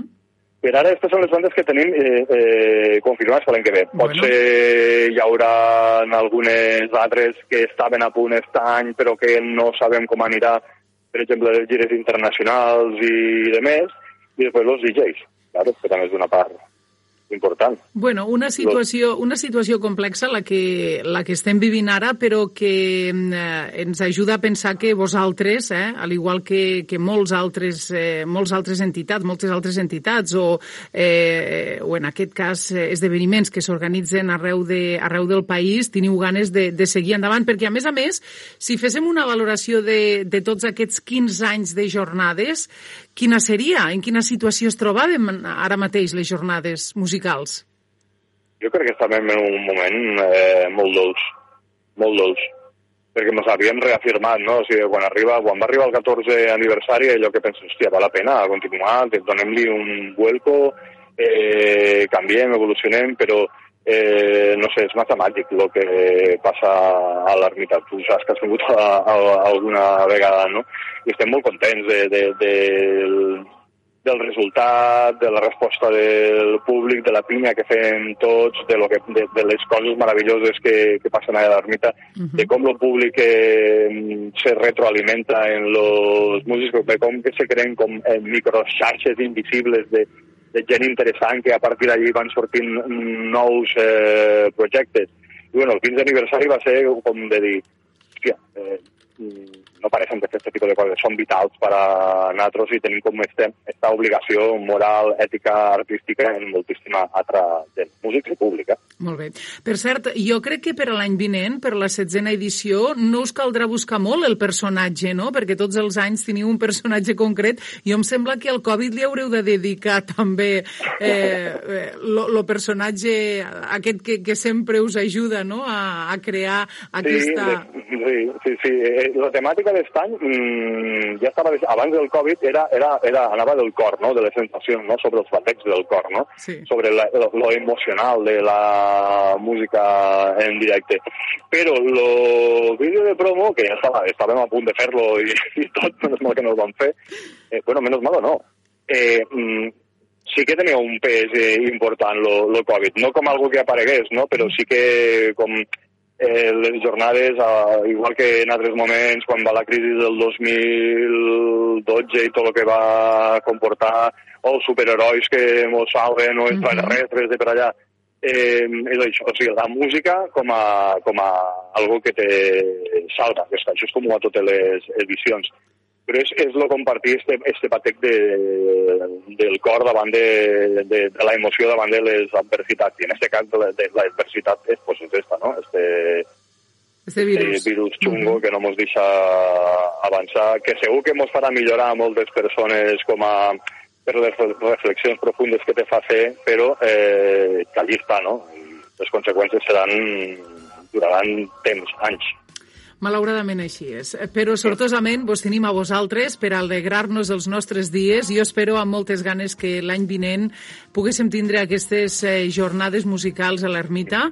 Moltíssimes gràcies, Nete Vericat, per acompanyar-nos. Esperem, esperem que abans, eh? Esperem que abans. Esperem que abans perquè, ja dic, si, si abans milloren certes coses, en la mesura de lo que poguéssim, nosaltres farem concerts. Qui I si, podem, si decidim de fer-los en streaming, Uh -huh. mm, tranquil·la que vol, ja, ja ho farem eh, ho farem públic a bombo i platillo. I tant. Estirem encantats de donar la notícia. Gràcies. Gràcies a vosaltres.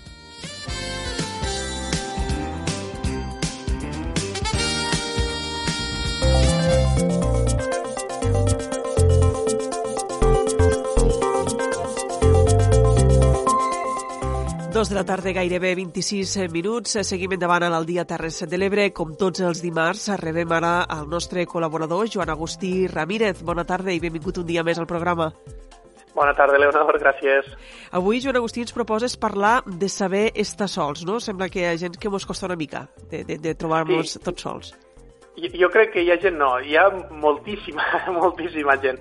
I és un tema que, bueno, se'm va ocorrir ahir, perquè ahir, ahir estava llegint un llibre, que per cert el recomano a tots els oients, que es diu La brúixola interior, Uh -huh. de l'Àlex Rovira, i llegint el llibre va sortir una cita del filòsof Blaise Pascal que deia així gran part dels mals de les persones naixen del fet de no ser capaços d'estar tranquil·lament asseguts i sols en una habitació.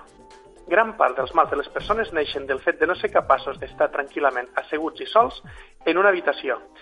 Eh, és una frase que la vaig llegir moltes vegades i em va resultar impactant, perquè a més hi ha moltíssima gent avui dia que precisament el que volem és temps per a no fer res. Eh, Anem agobiats, anem hiperrevolucionats, anem a tope, acceleradíssims, i sempre diem, voldria, voldria res, mitja hora per a estar tot sol i no fer absolutament res. Pues bueno, pues, eh, aquest filòsof ho deia i a més me va resultar impactant perquè aquest filòsof és del segle XVII. Vull dir, no estem parlant d'una persona que estigui visquent a la nostra societat. Estem parlant de, de quasi 400 anys atrás.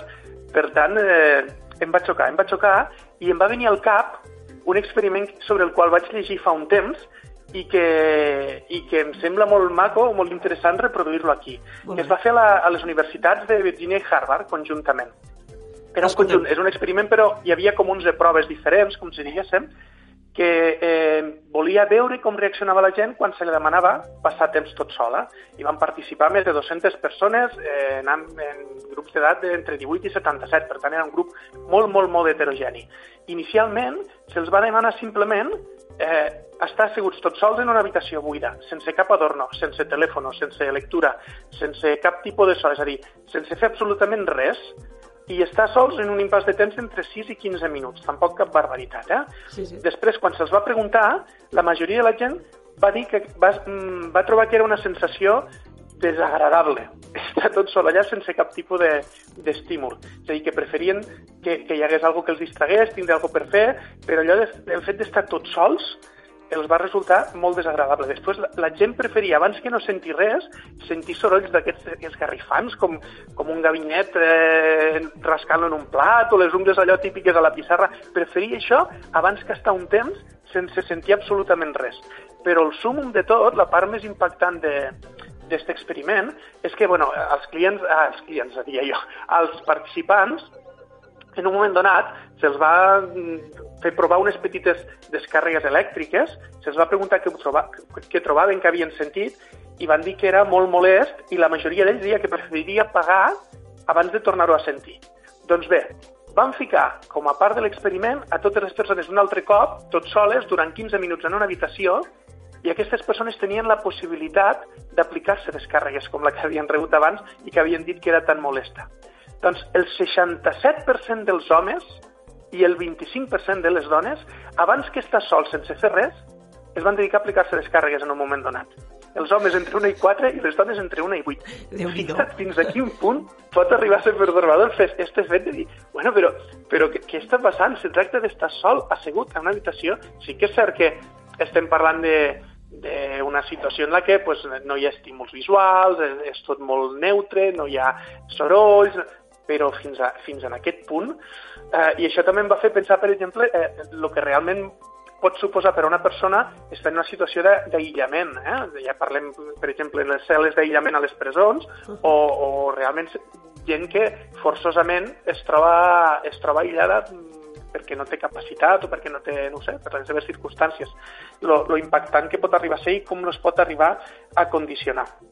Cal Llavors, tot això... Digues, digues, Leonard. No, no, no, continua. No, jo diria tot això perquè, perquè pot arribar a passar, perquè li pegues quatre voltes, però el primer és que no ens han ensenyat mai a estar sols, o el que podem arribar a guanyar si podem gestionar bé este temps d'estar sols. Estar sols sempre ha tingut una connotació negativa. I, igual que l'avorriment. L'avorriment té una connotació clarament negativa, quan l'avorriment, eh, sobretot eh, a, a edats primerenques, quan els joves, els adolescents, té una funció important. Quan un s'avorreix realment eh, està veient quines coses l'estimulen, li agraden, no li agraden, quines situacions són les que no l'apassionen gens i realment el com fem front a aquestes situacions desagradables, a aquest avorriment, després ens condiciona per a com reaccionaran davant de situacions desagradables a la nostra vida. Després hi ha un tema de que hi ha molta gent que té una creença de que no fer res és perdre el temps avui dia, el que et dia abans, que, que som hiperactius, sembla que haguéssim de tindre l'agenda al mil·límetre. I el fet aquest d'estar de, de, sols, parats, encara que per a nosaltres al, al nostre cap és com una situació idíl·lica i fantàstica, quan ens posem realment asseguts sense fer res, és algo desagradable, algo dins, dins nostres remou perquè és com si estiguéssim perdent el temps. Però després hi ha una part, potser una mica més profunda i potser més desagradable d'abordar, que és que estem acostumats a fer-ho tot socialment, les persones són més socials, però és que jo crec que hi ha un punt en què nosaltres com a persones davant dels altres ens creem un personatge. I quan aquest personatge no estàs amb altres persones, no l'has de sostenir i estàs tot sol, és com si la careta es cau i quan realment tu aquest personatge no té molt a veure amb qui ets tu realment, sinó que estàs sostenint una, una aparença tot el temps, és quan et fiques davant d'un mirall i realment et pots arribar a sentir molt, molt, molt malament. I llavors, aquesta situació d'estar sols moltes vegades és desagradable per a aquestes persones perquè ja no parlen d'aquest experiment. Hi ha molta gent que va passar el dia, però després quan arriba la nit és quan, quan li cau el món damunt. I és perquè tot el que està fent durant el dia realment no té molt a veure amb el que ell voldria per la seva vida. Potser eh, té que anar fent veure que és qui no és, potser està dedicat a alguna cosa que no vol, i llavors quan estàs tot sol en tu mateix és quan t'has de confrontar amb què estàs fent amb la teva vida, qui ets tu, com ho portes, i llavors això pot arribar a ser molt pertorbador també. Entenc que quan parles... Llavors... Continua, després la faig la... al final faré la pregunta. Molt bé. No, jo l'únic que anava a dir és què es recomana molt, què, què va molt bé? pues, per exemple, la pràctica de la meditació, el mindfulness, avui dia està molt de moda, jo ho practico i jo ho recomano eh, acaloradament a, a totes les persones. Aprendre a estar sol amb nosaltres mateixos, i aquestes dues disciplines ens ajuden a fer-ho, eh, ens permet eh, deixar estar durant uns minuts pendent dels altres i estar simplement pendent de nosaltres. Si ens centrem no en els estímuls externs, sinó en què estem sentint i en realment eh, conèixer-nos una miqueta a nosaltres, centrar-nos en nosaltres, conèixer les nostres emocions, eh, i fins i tot quan un és capaç de dedicar aquesta petita part de temps a ell mateix, per a una miqueta, com si diguéssim, fer una, una posada a punt, eh, es torna menys impulsiu perquè sap que té un espai on després podrà gestionar-se. Passem de reaccionar a ser capaços de tenir un autocontrol més gran. I, bueno, tots són petites millores. Les relacions, per exemple, milloren, perquè quan un es coneix més i és més conscient del que ell vol i del que fa, deixa de tindre relacions per necessitat o deixa d'operar i relacionar-se amb els altres tant per interès, sinó per rebre carícies positives, com diria l'Àlex Rovira, si llegeu el llibre ho vereu, sinó simplement perquè realment ho fa d'una manera honesta i més natural. Així que, bueno, aquestes dues eh, disciplines recomanades per a la gent que ens escolta i una miqueta a veure si som capaços d'estar tots sols amb nosaltres mateixos. Uh -huh. Ens queda molt poc temps, però el que volia preguntar-te, Joan Agustí, és que a vegades confonem eh, estar tots sols i connectar amb nosaltres mateixos en tindre temps per a nosaltres, perquè en les noves tecnologies sembla una mica que costa desconnectar, no? desconnectar i dedicar-nos un temps a nosaltres mateixos. Sobre les noves tecnologies hauríem de parlar un dia i potser necessitaríem molt més temps. Sí, però és que el, el tema de les noves tecnologies eh, està molt mal, l'estem utilitzant molt malament. Una cosa és tot el bo que ens aporta per al tema de comunicació, de gestió, de feina, de... i l'altra cosa és que les noves tecnologies eh, eh, són, són una droga avui en dia. Si et sembla, Joan Agustí, ho abordarem en un altre programa perquè se'ns acaba el temps, no tenim temps ja per a, per a res més. Moltíssimes gràcies per ser un dimarts més a l'Aldia Terres de l'Ebre. En parlem la setmana Gràcies que ve. Molt bé. Adeu. Adeu, Leonor.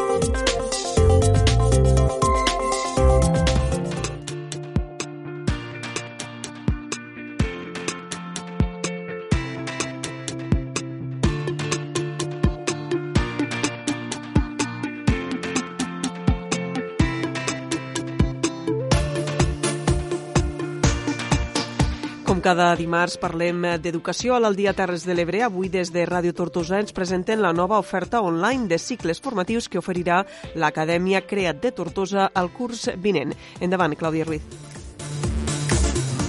Segur que arran de la Covid-19 moltes persones es plantegen formar-se a distància i des de casa. Doncs a partir del proper curs, des de les Terres de l'Ebre i també al nord de Castelló, podran realitzar 16 cicles formatius online i que posa a disposició l'Acadèmia Creat de Tortosa. Avui en volem parlar d'aquesta oferta amb el seu director, Joan Carles Obiol. Benvingut. Hola, què tal? Una salutació molt cordial a tots els oients. Bé, l'Acadèmia Creat no és de nova creació, sinó que ja porteu anys oferint un servei de reforç educatiu des de Tortosa, no? Sí, així és. L'acadèmia ja porta en total 8 cursos funcionant. Sigui que ja portem una certa trajectòria. Sí, sí, no, no hem començat ahir. Molt bé, i de fet també des de l'any passat vau incorporar cursos per a la preparació d'oposicions, no? És a dir, que any rere any aneu afegint eh, noves ofertes i aneu creixent, no? Sí, aquesta és la intenció. Jo concretament estic al capdavant de la gestió de l'acadèmia des de fa tres cursos i bueno, ho vam emprendre en la voluntat de consolidar el servei que ja estava, però també de diversificar una mica, no? Llavors, eh, com tu molt bé dius, este curs passat vam començar ja a ofertar el que era la preparació d'oposicions per a administracions públiques. I bé, de moment el que hem fet ha sigut eh, preparar gent per a les eh, oposicions de TEI, els tècnics especialistes en educació infantil, ara també estem preparant per a subalterns, d'acord? I també hem eh, fet eh, preparació per a la gent que es presenten per a policia local i Mossos d'Esquadra. I bueno, la nostra intenció és seguir ampliant a poc a poc. Mm, molt bé, ara més endavant parlarem de tota aquesta oferta que ara oferiu. Doncs com us ha afectat una mica el coronavirus? Com us heu pogut adaptar en tota aquesta oferta que ja oferíeu? No sé si heu introduït eh, aquestes eines digitals i tecnològiques. Bé, la veritat és que sí que ens ha afectat, ens ha afectat bastant, com a tothom, i hem fet el que hem pogut en quant a adaptar-nos-hi en aquesta situació. La veritat és que, mira, el mateix dia que el govern, recordo, recordo claríssim, no sé si era 12 o 13, era dijous de març, i recordo que el, van dir al matí, mira, el dilluns ja no, haurà, ja no es poden a escola. I dic, com que el matí el dilluns? Dic, no, no, dic, això té que ser ja. I el mateix dijous ja vaig avisar els alumnes i vam dir que no vingui ningú, tothom a casa i ja mos apanyarem. I, i efectivament, va ser així, i el ja mos apanyarem va ser que vam donar l'opció a tots els alumnes de poder eh, seguir les classes online, evidentment, a través de diferents plataformes. No? Nosaltres hem utilitzat sobretot Skype, però també alguna altra, Whereby, que és eh, una web d'una una, penso que és, eh, té l'origen a Noruega, funciona molt bé, respecta molt bé el tema de la biodiversitat. I bé, hem anat fent això, per tant, els alumnes que han volgut eh, s'ha passat en això. No? Llavors, eh, hem trobat també en alguna dificultat d'algun alumne que tenia dificultats de connectivitat i l'hem donat suport en aquesta, per solucionar aquesta qüestió. No? I la veritat és que ho hem fet en tots els nivells, excepte en els de primària. ¿vale? En primària no. Eh, en primària penso que és una altra cosa. De fet, la intensitat en la que han seguit els alumnes de primària eh, les, les classes, això no podíem parlar millor les escoles, millor jo, no? És una altra, no? Però des del que és eh, ESO, passant per batxillerat, eh, cicles i també la gent que s'estaven preparant per a oposicions, vam passar-ho eh, tot el que vam poder, i evidentment que els alumnes van voler, a l'online, i hem anat funcionant, el que passa que molt menys del que teníem presencial, cert. Mm. De fet, ara amb l'inici d'aquest juny, aquestes mesures de desescalada, torneu a oferir servei a les vostres dependències i fins i tot oferiu a domicili, no? Com us heu adaptat ara? Bueno, sí, sí, sí. El que hem fet ha sigut que eh, ara hem reobert en la mesura de les possibilitats, no? Eh, per tant, hem reduït l'aforament nostre a un terç Llavors, ara mateix, doncs, bueno, eh, estem fent classe a una aula aquí al costat i bueno, doncs el professor i l'alumne estan conservant la distància, també a les classes grupals han fet el mateix, no? aprofitant les aules que tenim més grans, um, i bueno, doncs hem fet això. Llavors, eh, a part de tots els requisits, de disposició del eh, producte per al netejar les mans, les paperes tapades, tota la història aquesta, sí? la desinfecció després de cada ús, la ventilació, bueno, tots aquests requeriments, i també el que hem fet ha sigut que hem ofertat la possibilitat, de fet han, han hagut alumnes que han dit no, no, nosaltres volem seguir online, hi ha alumnes que segueixen online sense problemes, vale? perquè de fet hi ha algun alumne que tenim de, dels, bueno, dels països que tenim que són de, de fora de Tortosa, hi ha altres poblacions del voltant, que ens han dit, no, no, no, diu, és que diu, volem seguir online perquè mira, ens estalviem el desplaçament i aprofitem millor el temps, doncs vale, vull dir.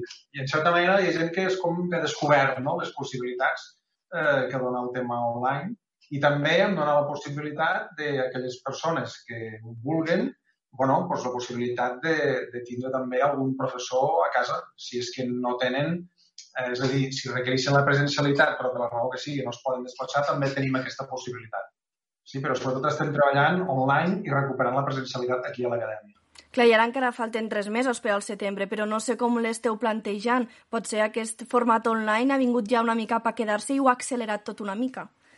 Jo crec que el que ha vingut per quedar-se és la flexibilitat. Sí? Um, cal no ho sabem, és que no ho sabem el que passarà d'aquí al setembre. Perquè ara imagina't tu de que, tant de bo, eh? de que, per exemple, hi hagués vacuna ja. Pues si hi ha vacuna, doncs molt bé. Pues com aquell que diu, tots tranquils i tot arreglat, no? Um, I per tant ja doncs, ens vacunem i ja seguir funcionant com funcionaven fins ara. Però imagina't tu, espero que no, però imagina't tu doncs, que hi ha vacuna i que damunt hi ha algun rebrot i per tant de tornar a fer confinament. bueno, doncs és que això pot passar. Per tant, el que hem de fer, entenc jo, és adaptar-nos. Adaptar-nos, per això el dia no, el que, el que ha vingut per quedar-se és la flexibilitat. Sí? Llavors, nosaltres, com ho tenim plantejat? Doncs bé, ja sabem el que pot passar, sabem com podem funcionar, els alumnes també ja saben com poden funcionar ells i com poden funcionar nosaltres, i per tant eh, saben que per part nostra podran estar atesos. Igual que ho saben dels seus centres educatius respectius, eh, de les escoles i instituts. Penso que això ha servit per a tothom, no? per a que vegi les, les possibilitats. No? I llavors també el que, el que hem previst és la possibilitat de en cas de que sigui necessari, en cas de que sigui necessari, per això repeteixo, insistixo no? en lo de la flexibilitat, el que hem previst és la possibilitat de que eh, en horari lectiu aquells alumnes que per la raó que siguin no puguen assistir al seu centre educatiu, però a la vegada tampoc eh, les famílies no tinguen recursos, no, no tinguen apoyos com per a eh, deixar-los en algú, m'explico, doncs nosaltres ofertar aquesta possibilitat de que puguen vindre aquí l'hora que els sigui necessari i, evidentment, estar atesos eh, pels professionals nostres de l'acadèmia. El que segurament que no es veurà gaire afectat el proper curs és tota aquesta oferta de cicles formatius que posareu en marxa al setembre de forma online. No sé si era un projecte pensat abans del confinament o just pensat aquests dies. Com ha funcionat això? Bé, la veritat és que això ja estava pensat i estava acordat abans de, abans de que esclatés tot això del, del coronavirus. Eh? eh llavors, de fet, la, o sigui, l'acord ja el teníem signat d'abans, de pocs dies abans. Passa que, mira, doncs són casualitats de la vida, de veritat Eh, bé, el tema este dels cicles online és una oferta que ja existia i que nosaltres l'anàvem seguint, no? L'anàvem seguint en el sentit de que nosaltres tenim clar ja fa temps el tema online, ¿vale? o sigui, està molt bé la presencialitat, però eh, basar-ho tot en la presencialitat, en les possibilitats que avui en dia, és desaprofitar possibilitats de formació per a la gent. No? I la veritat és que vam, bueno, vam contactar en, Linkia i ho vam veure clar, vam, vam estar parlant i ens vam ficar d'acord en seguida. Llavors, jo perquè, el que explicaré és que una mica la realitat d'això d'on ve, no? O sigui, l'Inquia és una associació de centres eh, de formació professional, centres presencials, sí? que ells ja oferten des de fa molt temps els cicles formatius. Llavors, el que fan és que s'han ajuntat en una sèrie de centres, la majoria estan a l'àrea de, de Barcelona, i a partir d'aquest fet d'ajuntar-se passen a, ofer a ofertar-ho online, d'acord? És a dir, ells ja porten diversos cursos ofertant aquests cicles formatius online. I aquí és on entrem nosaltres, no? I ens hem ficat d'acord en ells en el sentit de que nosaltres som, diguem, la via, una via d'entrada més no? de les que tenen, els seus cicles online, i eh, bueno, la gent, eh, si per exemple un se matricula, no? el que farà serà que ho cursarà tot en Linkia, d'acord? En els professors de Linkia, eh, tindrà les classes en la seva plataforma, és a dir, tindrà la seva responsabilitat pròpia de seguir aquelles classes. Els exàmens, els exàmens sí que són presencials, de moment a Tarragona, però bueno, nosaltres intentarem lluitar perquè algun dia se pugui apropar una mica més.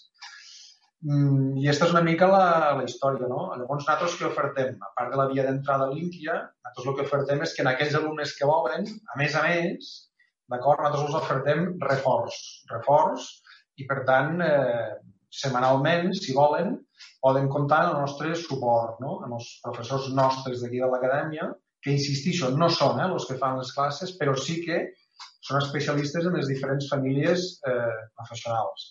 Per exemple, doncs un alumne que estigui cursant eh, a veure, el cicle, per exemple, el cicle mitjà de gestió administrativa, doncs ell tindrà el seu professor a l'INQUIA, d'acord? Els seus professors de les diferents assignatures, però diu, mira, és que trobo que me costa una mica. Ostres, doncs vaig a veure si els professors de l'Acadèmia CREA de Tortosa me poden donar una mica de suport. Doncs la resposta és que sí, podem donar suport sí? en la freqüència que desitja l'alumne, d'acord, se pactaran unes hores, en principi nosaltres ofertem una hora a la setmana, però repeteixo que és suport, eh? perquè el que sigui el curs és molt més que una hora a la setmana. Este suport també serà online? Este suport pot ser online o pot ser presencial. Mira, este matí mateix he estat parlant amb diversos alumnes que ens han trucat, ens han enviat eh, missatges a través del web i tal, i n'hi havia un precisament que ens preguntava això, però això ha de ser sempre online o també pot ser presencial? Home, depèn, claro. Dic, tu d'on ets? Dic, pues mira, pues soy de Hortosa. Ah, pues bueno, pues llavors pues tu pots triar. M'explico? Però anem a imaginar un alumne, com us va preguntar l'altre dia, un alumne que és de Reus. Doncs bueno, pues un alumne que és de Reus, eh, en natros, el més lògic és que ho faci online, m'explico? Llavors, de la mateixa manera que estem fent estos dies eh, les classes online, en els alumnes que ja tenien habitualment, doncs en aquest cas també se poden fer perfectament online, sense problema. És una cosa a pactar entre l'alumne i nosaltres. Molt bé. Si et sembla, repassem esta oferta de 16 cicles entre grau mitjà i superior que es classifiquen en un total de 6 famílies professionals, no? Quins són aquests cicles? Va, bueno, els cicles, de fet, mira, eh, ara estos dies se n'estan incorporant més. Vale? De fet, ja no són 16, sinó que diria que són 19. Són, estem parlant de sis famílies professionals. Una és administració i gestió d'empreses, una altra és comerç i màrqueting, una altra és hostaleria i turisme, una altra és informàtica i comunicacions, una altra és sanitat i una altra és serveis socioculturals i a la comunitat.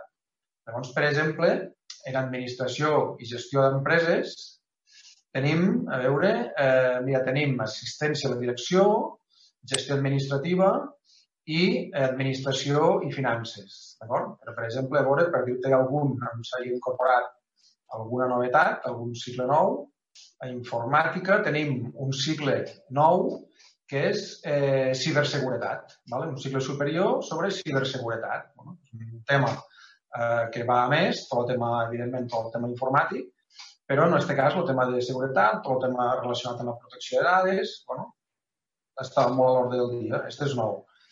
Hi ha algun altre àmbit també on, ha, s'ha incorporat algun altre, a veure, ara està la sanitat, correcte.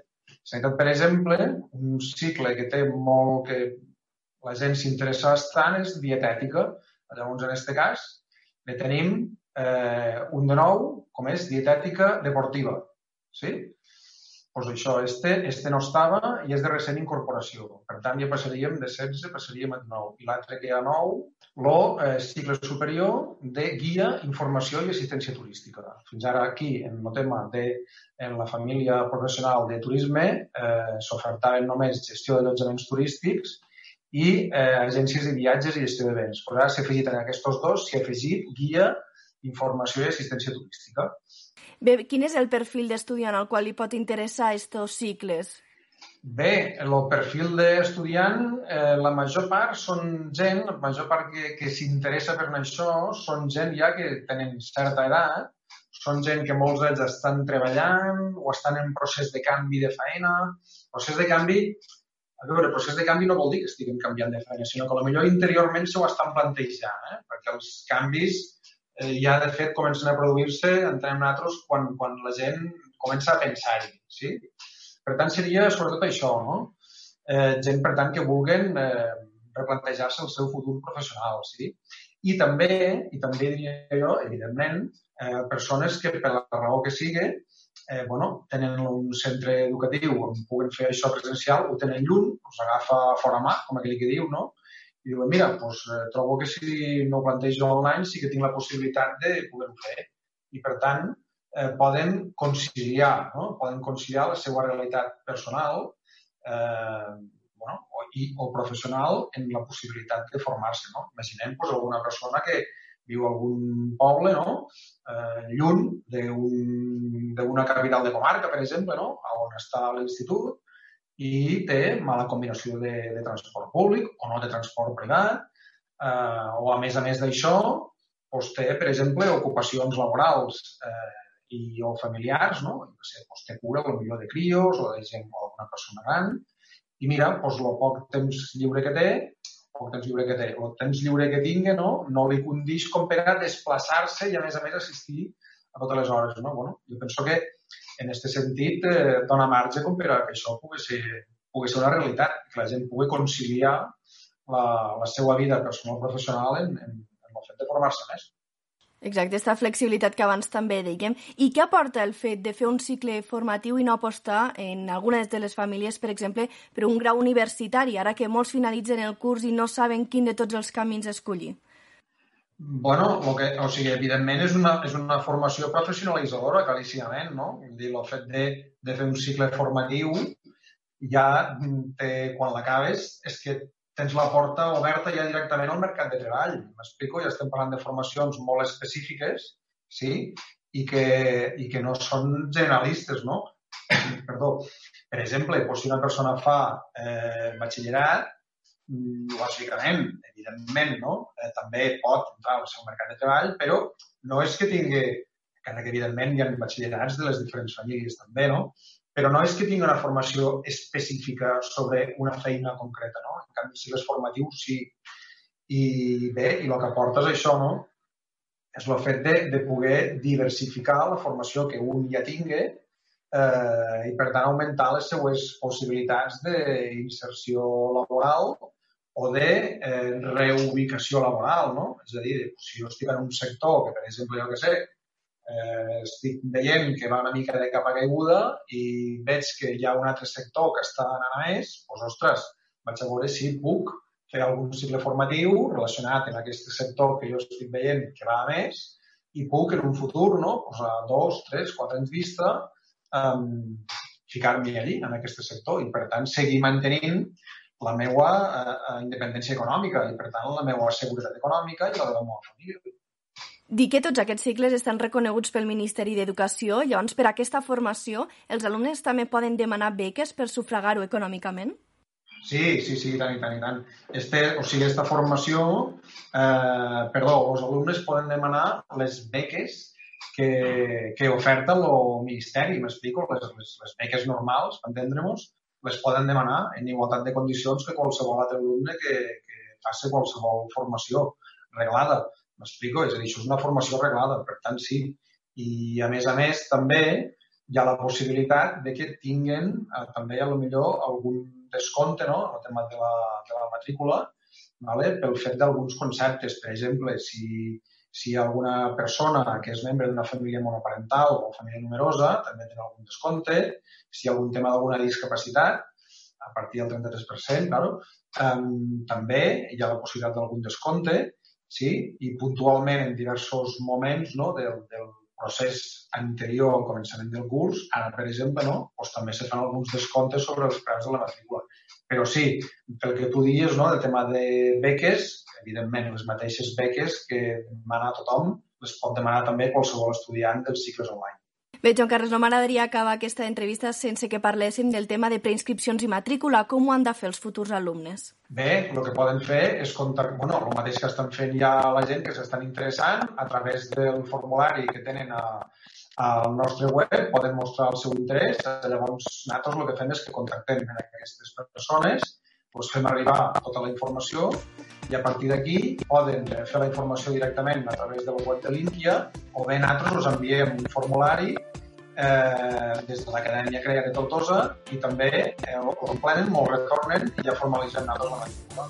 Doncs moltes gràcies, Joan Carles Obiol, director i gerent de l'Acadèmia Creat, per explicar-nos tota aquesta nova etapa que encetareu el proper curs. Molta sort i fins la propera. Molt bé, moltes gràcies.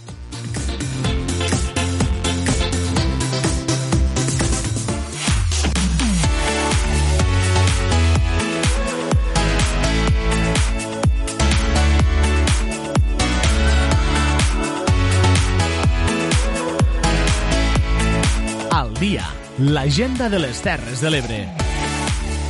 Temps ara per a l'agenda i per a conèixer al dia Terres de l'Ebre les propostes d'oci i cultura que ens fan arribar des de Ràdio Tortosa. Clàudia Ruiz, bon dia. Bon dia, Leonor. Obrim l'agenda destacant la conferència que ofereixen avui des de la Universitat Rovira i Virgili i que porta per títol Com vendre a Amazon i diferents marketplaces. Serà a les 5 de la tarda a través d'un live del perfil d'Instagram URB Empren i anirà a càrrec d'Enric Ginovar, director executiu de la consultoria sobre e-commerce Incubalia. I des de l'Oplante ens conviden aquests dies a gravar-nos cantant, tocant o ballant alguna jota. Els vídeos es poden enviar al correu info arroba loplante.com. La convocatòria estarà activa fins al proper dia 22 de juny i s'espera poder publicar el vídeo amb totes les participacions de cara al juliol. I acabem amb un nou contacontes de la Biblioteca Marcel i Domingo de Tortosa. Es tracta del llibre Betty i Cosme de l'autora Mari Boyd. El contacontes explicat per Rosa Tomàs el trobareu al canal de YouTube de la biblioteca. Amb l'agenda hem arribat al final de la segona hora de programa. Els recordem que tornem en uns minuts a l'Aldia Terres de l'Ebre amb la tertúlia d'actualitat. Avui estrenem contertulians amb Mireia Ibáñez, Eric Bell i Gerard Vidal.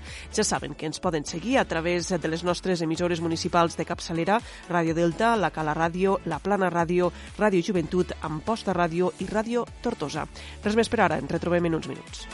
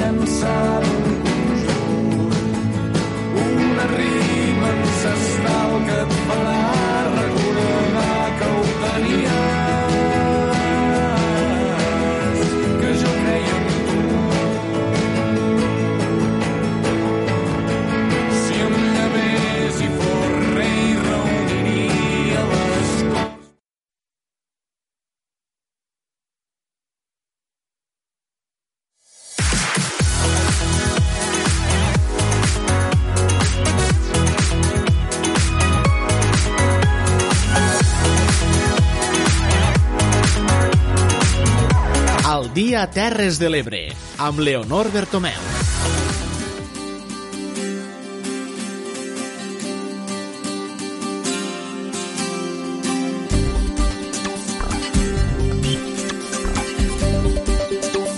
Al dia, la tertúlia.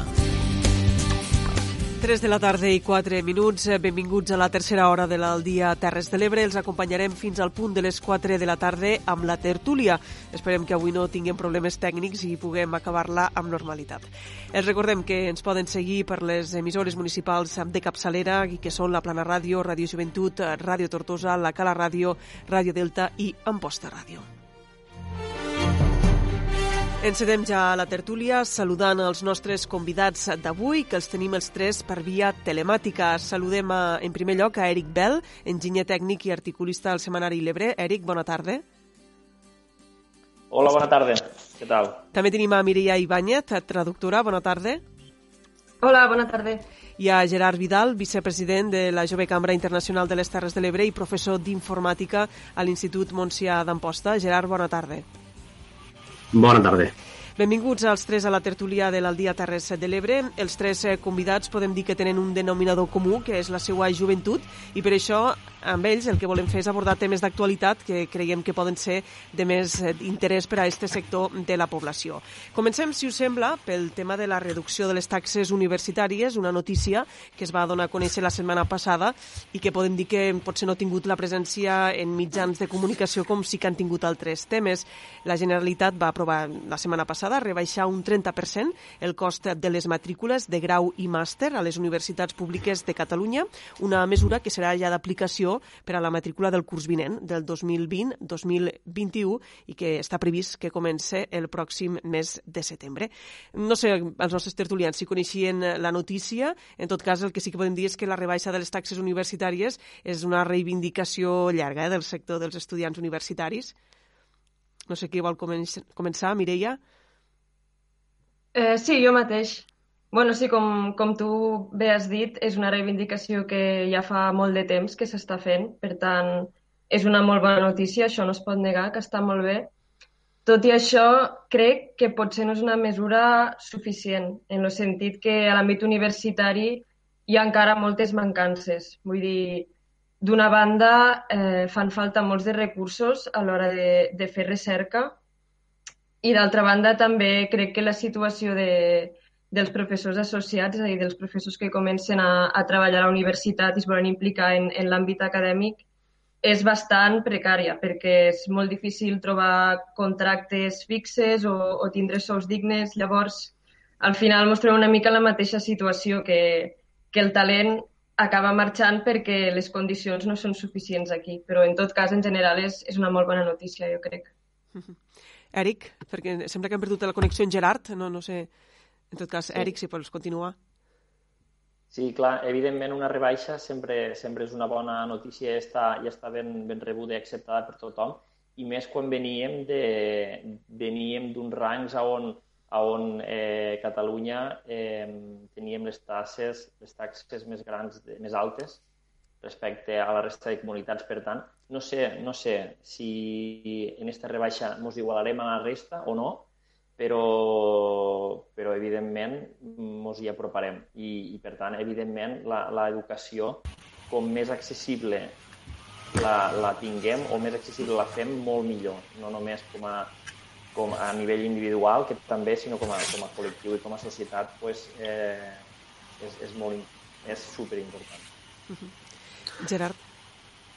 Sí, bé, i jo molt d'acord en el que han dit tant Eric com, com Mireia i, i, i referent a el que dia, a lo que dia Eric, eh, clar, tot i la rebaixa del 30% de, de taxes, que és el que, és el que s'ha anunciat, eh, potser també a la vegada el titular, el titular podria ser un altre, i és que continuarem eh, pràcticament doblant les taxes, tot i la rebaixa, a, a d'altres del preu de, de, que tenen a d'altres comunitats autònomes. Uh, per tant, uh, hi ha un greuge comparatiu en molts temes fiscals, però en este en concret uh, de les taxes universitàries doncs és, és flagrant.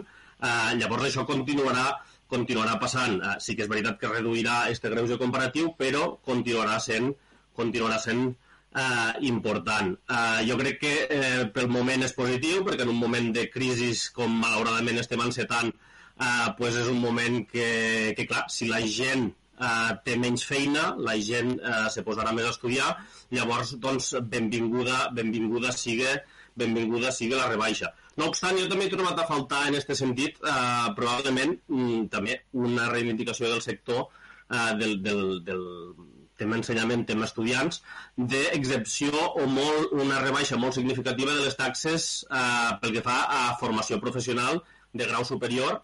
Eh, les, de, les de grau mitjà estan molt més bonificades, però les de, les de grau superior els, els hi faria falta una rebaixa i segurament també perquè per, per, pel, pel, per, pel retorn que això té tant per a l'estudiant com per a la societat perquè, perquè tenen nivells d'inserció molt més elevats els, els uh, molts estudis de, de grau uh, superior de la FP. Pel que fa a les taxes universitàries, podem dir que no és l'únic eh, problema que tenen els estudiants, sobretot en el cas de les Terres de l'Ebre, què, a més a més, hem de fer front al cost de la mobilitat, no?, d'anar a la universitat. El tema del transport, que m'imagino que els tres que esteu aquí us hi, us hi heu trobat. Uh -huh. Sí, clar, és que al final ja no és només el transport, sinó eh, el propi habitatge. Moltes vegades pues, t'has de quedar a viure a Barcelona, a Tarragona, on sigui, i, i realment sí, això és un cost que, que costa bastant d'assumir, tant per les famílies com pel, pel propi estudiant. Llavors, no sé fins a quin punt se podria plantejar la possibilitat d'oferir algun tipus d'ajuts als estudiants que venim de fora. No sé, potser podria ser interessant plantejar-ho i en algunes poblacions sí que, que sí que tenen beques al transport, però no és la majoria de, de poblacions de les Terres de l'Ebre. Segurament no, seria una bona, el que, el que deia ara la, la Mireia, no? que seria una bona mesura el fet de que es poguessin bonificar o ajudar els estudiants d'aquí per a fer front a aquesta despesa. Èric. Sí, clar, evidentment, eh, evidentment. Tot i que jo ja fa molts anys no, que vaig acabar d'estudiar, de, i, i ara sí que està la, la URB a, aquí a Tortosa, que, que, que bueno, no, no, no fa molts anys que ja està, i això és, és un, el començament, no? és a dir, eh, la formació com més a prop la tinguem, menys ens haurem de desplaçar i més accessible, no? no només accessible des del punt de vista de taxes, que ja, que ja n'han parlat, sinó que també accessible del punt de vista d'infraestructures. Eh, eh, evidentment, eh, clar, com més subvencionat està una cosa, doncs millor, no? però que, que a, a lo millor o l'altra alternativa és no cal subvencionar tant i, i ficar la universitat a prop de casa. No? És més car del punt, des del punt de vista del, de, de, del sistema, però, però per l'estudiant és molt més còmode i que, que fer-ho fer, desplaçant-te, no? També a, a, a, a, volia aprofitar això per a dir que a Catalunya, i m'incloc, eh, sempre estem mirant de cara a Barcelona i en canvi no mirem de cara a Castelló, de cara a València. Ho dic perquè hi ha la mateixa distància i és un fenomen que he experimentat tota la vida i, i, ha, i ha tingut que ser als 30 i pico anys me n'he donat compte d'això, no? Ho dic perquè jo he, he estat bueno, eh, he, he experimentat això i, i, i, i volia dir-ho perquè solament les taxes universitàries a València no sé si són més barates, el que feia abans referència Gerard. Correcte, correcte. Són més barates, ja, ja està bé que no som, diguéssim, catalans, jo, jo m'hi sento molt i reivindico eh, un país millor, però, però mentrestant reivindiquem un país millor, també ens podem girar i anar a fer un màster a Castelló i pagar menys i no passa res, que no sé si m'explico, no, no mos pillaran d'impostors. D'acord? Això ho podem fer. I nosaltres som gent de franja, som gent que vivim al sud, som gent que tenim lluny Barcelona. Aleshores, nosaltres som els primers no? que, que, que, que podíem apuntar-nos este, este, este punt o esta nota i fer-ho, no? Ja et dic, t'està parlant una persona que va estudiar a Tarragona, eh? o sigui, no, no és que jo pugui predicar l'exemple, però sí que... Eh... Que tendim poc a mirar cap al sud, no?, a nivell universitari. Eh, sí, sí, i no passa res, saps? I, i, i, i en el cap ben alt, no sé si m'explico, no, no, no, és, no és ser de menys, ni ser de més, ni ser més llest, ni, ni no ser-ho tant. Simplement que és un fet geogràfic de, que, que, que mos permet estar o que mos fa estar entremig de, de Barcelona i de València o entremig de Tarragona i Castelló. Sentint-ho molt o no, però és, és així. En canvi, per exemple, el campus de la URB de Tortosa, com, com feia referència tu ara, sí que rep molts, molts estudiants de, de, de, de, de València, de, de, de la zona de Castelló, clar. de Vinaròs. Clar. Ens miren més, més ells a nosaltres que nosaltres en ells. Eh, clar, això funciona recíprocament. Eh, és a dir, eh, diràs que nosaltres anar a Castelló no, no, no mos funciona el cotxe, saps? De cara, de cara al sud sem- sempre mos funciona de cara a Barcelona, no? I ja està, simplement era un, una, un punt que volia, que volia comentar. Un altre dels problemes no, de, dels universitaris aquí és la comunicació, no? Eh, la, la comunicació via la R16, tots sabem les condicions en què es troba, eh, també ara s'ha millorat la, la comunicació per carretera, però en tot cas sí que la comunicació no, via tren, via l'R16, deixa molt que desitjar. Gerard, no sé si la, si la vas poder conèixer quan estudiaves. Bueno, jo la veritat és que també vaig estudiar a Tarragona, llavors anava o bé en tren eh, o bé en cotxe. Uh, per, uh, no anava per la nacional, anava per, per l'autopista. Uh, ara que han fet uh, la bonificació de part del tram, entenc que, que la gent del territori deu estar contenta també. Tot i que em sembla que no arriba fins a Tarragona, no?, el tram bonificat. De l'autopista? Crec, sí, crec que arriba Sí. fins a Altafulla, eh? Jo diria Sí? que, sí, crec vale, que sí. Vale, pues, uh, pues llavors fantàstic. No, no arriba fins a Barcelona, però sí, per a, però sí fins a Tarragona. No, perdona, fins a l'Hospitalet. Diguem les coses bé, des d'Alacant fins a l'Hospitalet. El, tram bonificat de la llavors, P7. Llavors, bueno, ha millorat una mica la situació, no és la, no és la idea encara. Bé, un altre tema, si, si parlem de tema universitari, no, és sempre el retorn d'aquestes persones que s'han format a fora i si, re, si retornen o no al territori. En el cas vostre, entenc que són, sou tres persones eh, que, que heu tornat i heu pogut desenvolupar la vostra carrera professional a, a les Terres de l'Ebre, però bé, és, un, és una assignatura pendent, no?, en molts de casos. Correcte. Uh, jo crec que la situació actual, jo crec que uh, suposa moltíssims reptes en molts de sentits, però també pel que fa a, a, al fet que apuntaves, no?, del retorn del talent a les Terres de l'Ebre, jo crec que, que, que el que estem vivint representa una oportunitat en el sentit de, de ostres, si el teletreball uh, ara s'està demostrant que és possible, no? perquè hi ha moltes empreses que a lo millor, pues, bueno, sí, s'ho plantejaven, però però tenien un informet que ficaven allà al calaix i que, i que mai era el moment de, de portar-ho a terme, no? Ah, el teletreball també portarà eh, d'altres problemes, no? Però potser facilitarà esta, esta nova dinàmica que estem encetant, potser facilitarà que la gent pues, pues, pugui viure aquí, tot i tindre la feina a, a 200 quilòmetres o a 5.000.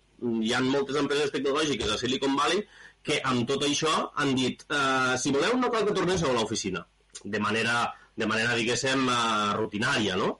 Uh, llavors jo crec que, que, que es pot, que es pot, uh, que pot, que pot suposar el fet actual doncs, uh, un, un, un fet positiu a l'hora de, de retorn d'alguns joves perquè podran teletreballar. No sé com ho veuen la resta de, eh, contertulians el fet este, no? que, el, que el fet del teletreball, de poder treballar a distància, que s'ha facilitat molt en aquesta època de, de confinament, pues que pugui beneficiar això, no? que, que gent que, del territori que s'ha format a fora però que pugui retornar al territori i continuar treballant en, el, en allò que s'ha format. Mireia, no sé quin és el teu cas. Sí, jo estic molt d'acord en, en el que plantegeu i, de fet, és una mica el meu cas també perquè bueno, em dedico a, a la docència però també a la traducció, que és algo que es pot fer a distància. Llavors, aquest any m'he pogut permetre tornar al poble bàsicament per això, perquè és una activitat que puc fer des de casa tranquil·lament. I, a més a més, també voldria afegir de, sobre el tema que comentàvem de la universitat, no? que potser no cal buscar tant desplaçar-se cap a Barcelona, sinó intentar eh, que el talent se quede aquí. Potser també la situació d'ara seria una oportunitat per a eh, fer l'ensenyament a distància. És a dir, de fet, ja, ja s'està plantejant a les universitats el curs que ve que es faci a distància la major part possible. Llavors, potser aquesta seria una possibilitat de que els estudiants se puguen quedar a les terres i estudiar a distància a la universitat. O potser es podria plantejar, no sé, un cap de setmana al mes, sí que anar presencialment, però la resta poder-ho fer a distància des d'aquí, des de casa. No sé si veieu una possibilitat, Eric, el fet de, de, de, de, de lo que Sí. estàvem parlant ara, eh? de, la, de la universitat a distància i també el del teletreball. Sí, sí, sí. Eh, diverses coses. Eh, si hi ha el teletreball, eh, De fet, jo estic treballant en una multinacional aquí a les Terres de l'Ebre que estem teletreballant, per tant, eh, res a dir. De fet, esta setmana ja he fet un article parlant d'això i a favor, eh, però jo vol, voldria fer un, o sigui, voldria parlar d'abans de, de, del, del Covid, no? És a dir, tots els que estem aquí estem molt d'acord en, en, en, en venir a les Terres de l'Ebre i de més, no? i que ens ha sigut fàcil i que, i que, i que hi veiem avantatges i de més. Però és cert que, que, que en molt, molts casos és difícil perquè ja és un tema cultural. No? És a dir, des de petit t'estan dient no et quedes al poble, ves a Barcelona, que, que aquí tots són atrasos. No? Aleshores, aquí sí que és un tema més preocupant, que és més de fons, més, de, més, més cultural, com dia, i, i, que, i que no és així. No és així. De fet, també va, fa, molt, fa molt temps hi va ser un article que es deia la ciutat no és el que ens havien promès, que, que en parlava, no? Per tant, eh, si ara, degut a la pandèmia, algú o algun percentatge de gent notable, eh, un notable percentatge de gent, vull dir, eh, pren aquesta decisió o mira eh, en, esta, en esta forma de fer, pues, Perfecte, benvinguda sigui. És interessant, crec, aquesta reflexió que està fent ara Eric, no? el fet que sempre ens han venut que anar a estudiar vol dir anar a estudiar fora, no? i que al final treballar, o molta gent veia el fet d'estar a la ciutat moltes més opcions laborals, i potser sí que ara s'està una mica revertint aquesta situació, i el que deia Van Mireia, no? que està quasi més ben valorat tornar al poble i format i poder continuar treballant del que t'has format. Gerard, no sé Tens el micro, no et sentim, eh, Gerard? No em sentiu, Ara perdoneu. Sí. Uh, no, sí, uh, que, que, que totalment uh, d'acord en això. No obstant, jo voldria, jo voldria reprendre un tema que, que havia soltat abans i que, i que potser s'ha quedat una mica uh, uh, sense desenvolupar, i era el tema de, de valoritzar més la FP i de, i de també veure la realitat de que certs estudis universitaris doncs després la gent acaba eh, sobre, sobrequalificada i acaba, sí, tenint feina, però tenint eh, una qualificació superior a lo que el mercat eh, demana. Eh, parlàvem d'una reducció de, ta de taxes del 30%. No? Tot, tot i aquesta reducció, eh, la inversió pública d'una matrícula, no? d'un estudiant, acaba sent que es fiquen 85 en, en esta nova, en esta nova eh, en aquesta nova fiscalitat, no? en aquestes noves taxes, l'administració pública continuarà ficant un 85% dels recursos, dels recursos públics en, uh, en això, en, en els estudis de, de, de, de, de, de l'estudiantat. Llavors, quina ineficiència és si al cap de 4 anys no, qui, el titular s'ha de veure uh, emocionalment degradat d'anar a fer una altra feina no? i a part doncs, també la, la, la ineficiència des del punt de vista de, de, de recursos públics. No? Llavors, eh, tot el que dieu de proximitat, de tal, ostres, és que tenim dos instituts fantàstics, segurament que encara poden tindre encara poden tindre més, més ensenyaments, no? però dos, dos instituts fantàstics d'FP, una a Tortosa, l'altra en Posta, en Posta l'Institut Montsià, a, a Tortosa l'IES de l'Ebre, i, i ostres, eh, jo, mm, tot i que els últims anys s'està apostant i s'està valoritzant la FP, trobo que encara li falta eh, una, una espenta eh, i sobretot també relacionat amb el del canvi cultural, aquell que abans eh, die, die Eric, de, de, de ostres, eh, anar, a la, era anar a la ciutat a estudiar una carrera. Ostres, pues, eh, és que millor hi ha gent que s'ha quedat aquí fent, fent una FP i, i li van, i li van bé les coses, i el que està a la ciutat a lo millor està patint, perquè té 35 anys encara continua compartint pis perquè paga 600 i pico euros més gastos d'una habitació. Escolta, escolta, escolta. Eh, jo, jo, jo, ja saps que vaig fer una FP i després vaig fer la, la formació universitària, d'acord? I, I 10 anys després, eh, saps quina cosa he vist que falla molt en, i, i, i et responc a la teua, a la teua inquietud? Digues. Que des, que des del batxillerat no hi ha acompanyament cap a la FP. Correcte. Val. Ni des de l'ESO. Un segon. En canvi, en canvi, els nois, que, nois i noies, els alumnes que fan grau mitjà, se'ls acompanya moltíssim a la, al grau superior i amb bon criteri, és a dir, el que estic dient en segona, el segon punt és bo. Per què ho dic això?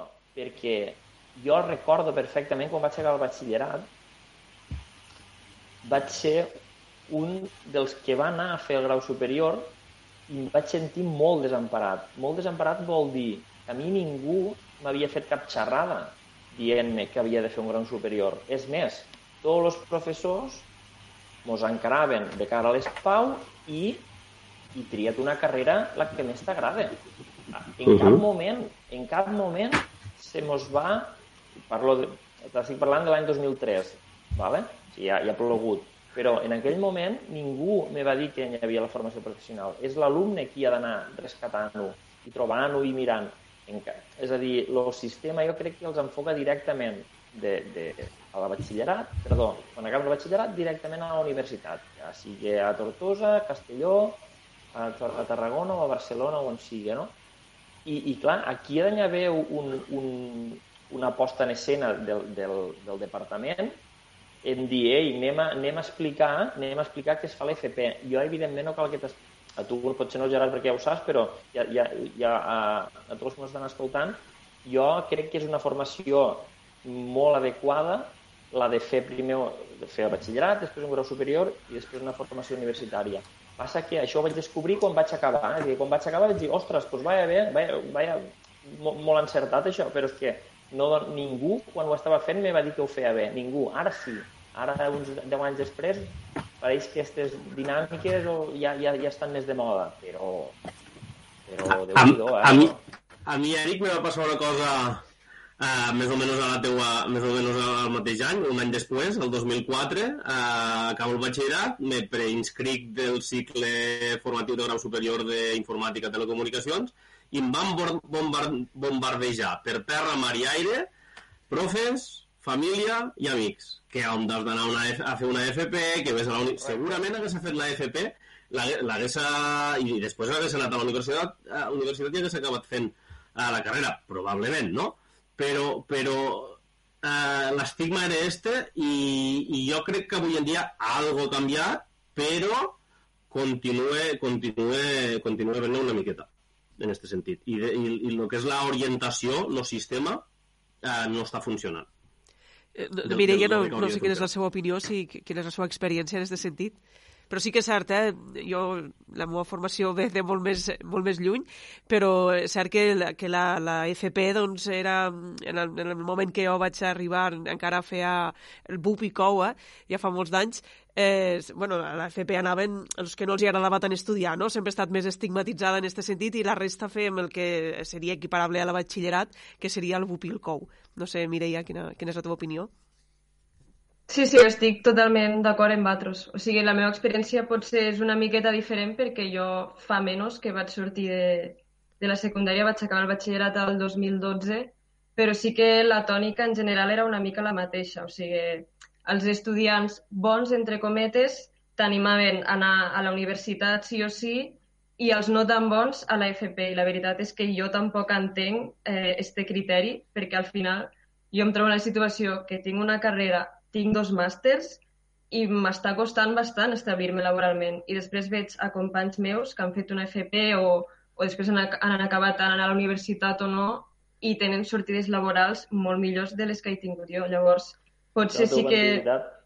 No, no, no, mos hem de fer mirar una mica... No m'ho van dir, no? Mos hem de fer mirar una mica aquesta titulitis que tenim ara mateix perquè al final no sé, també és enganyar-se una mica un mateix, anar acumulant màsters i títols i màsters i al final te trobes en, en la vida real i, i no és el que t'havien venut. Pues sí, sí, sí, sí. Abans Gerard feia referència no, als estudis de formació professional que es fan als instituts Montsià i de l'Ebre. Creus que és bona l'oferta que hi ha aquí al territori? És una bona opció per als estudiants? Mm, jo crec que, jo crec que sí, hi ha molta més formació, oferta de formació pel que fa a FP que pel que fa a estudis universitaris.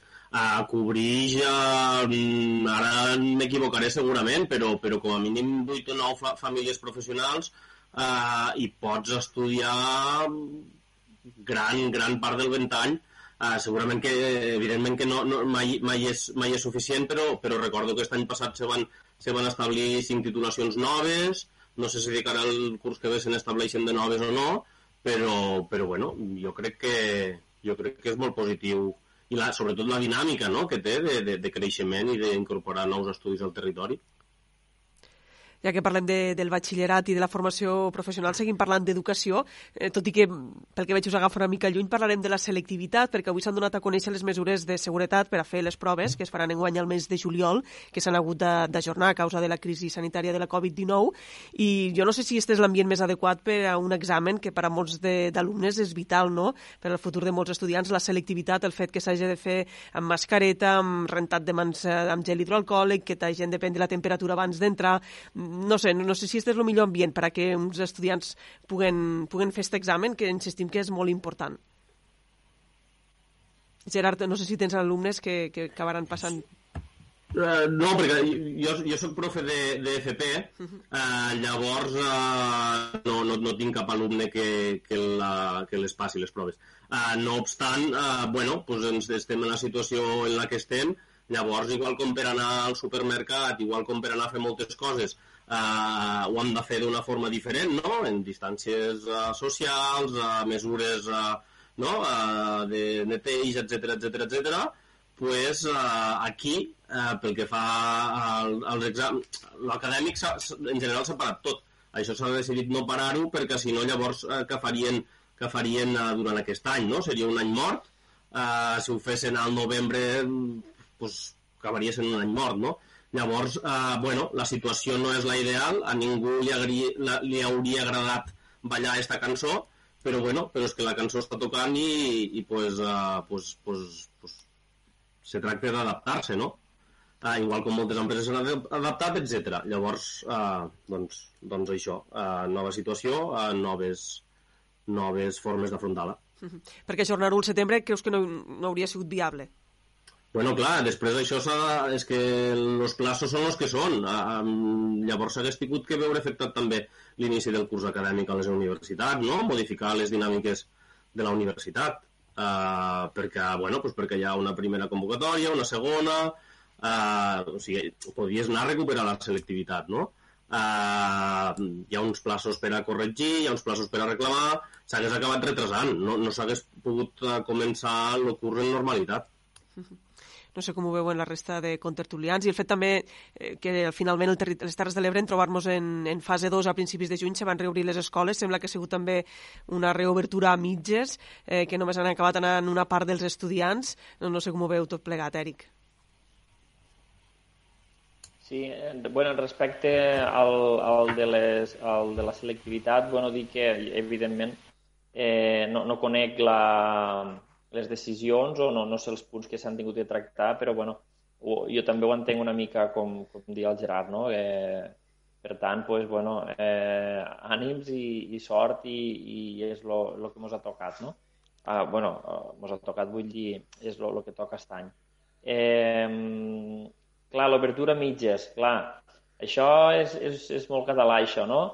Eh, sí, però, clar, eh, lo, solo, només los que los pares i la mare treballa i tal, i al final, pues, eh, no, no, si no fas cafè per a tots, pues, és, és complicat, no?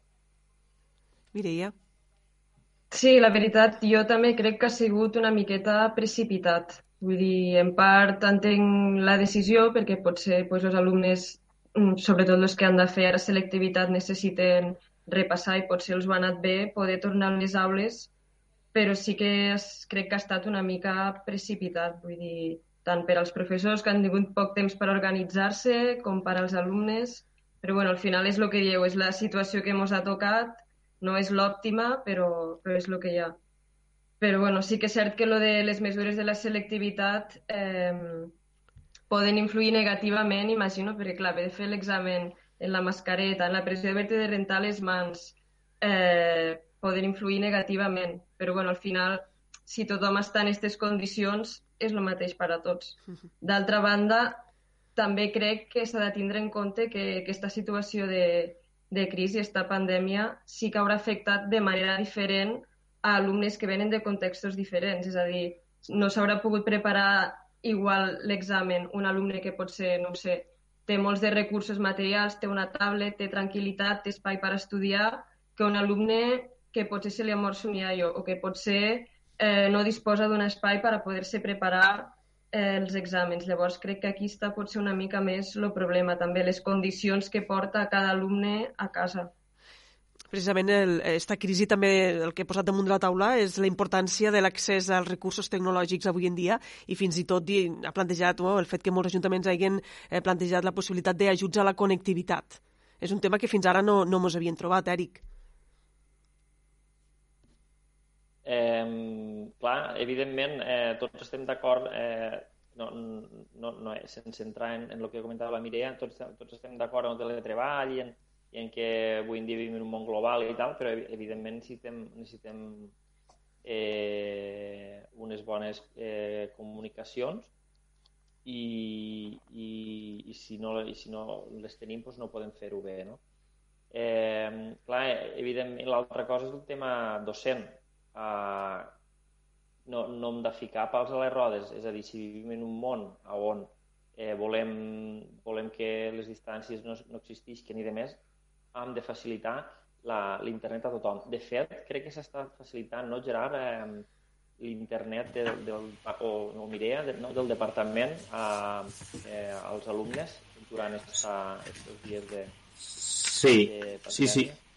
Al principi del confinament el que, el que es va fer uh, va ser uh, doncs, fer un sondeig dels alumnes a veure uh, tant pel que fa a recurs uh, tecnològic, ordinador, uh, tablet, etc i també pel que fa a connectivitat.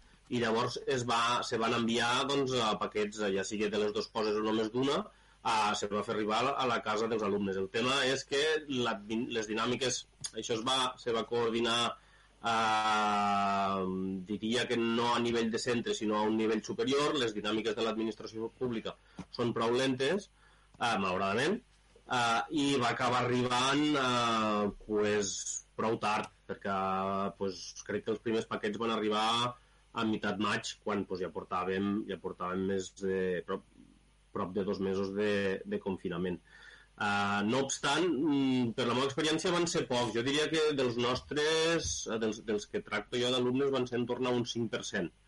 Però, bueno, una situació de greuge, de greuge important, no? I, i n'hi ha que no el van demanar, però que potser compartien ordinador a uh, tots els membres de la família. Llavors no és el mateix, i aquí sí que és veritat que que clar, l'escola, l'escola pública pues, tendeix a igualar i és, i, és una, i és una de les grandeses de la societat del benestar, mentre que eh, pues a casa cada un té la realitat que té i casa tendeix a desigualar. Llavors, en una situació de confinament que no hi ha, que només és casa, pues, eh, les, les diferències s'han accentuat, sí.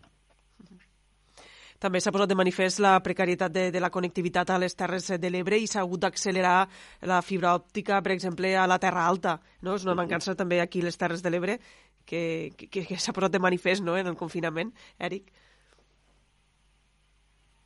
Sí, sí, sí. Eh, evidentment això s'ha de millorar i, i, i, i ho millorarem. Eh, només és qüestió de recursos i, i, i temps. I jo crec que tots els alcaldes, en aquest cas, que, que de, de les Terres de l'Ebre pues, estan al cas i, i, i faran força. Vull pensar que uh -huh. faran força i això serà una realitat més prompte que tard. Cal inversió pública per això, per, no? per facilitar una bona connectivitat a tots ah, els municipis tots els diners que s'ahorren de festes majors els invertiran a la fibra òptica, dona.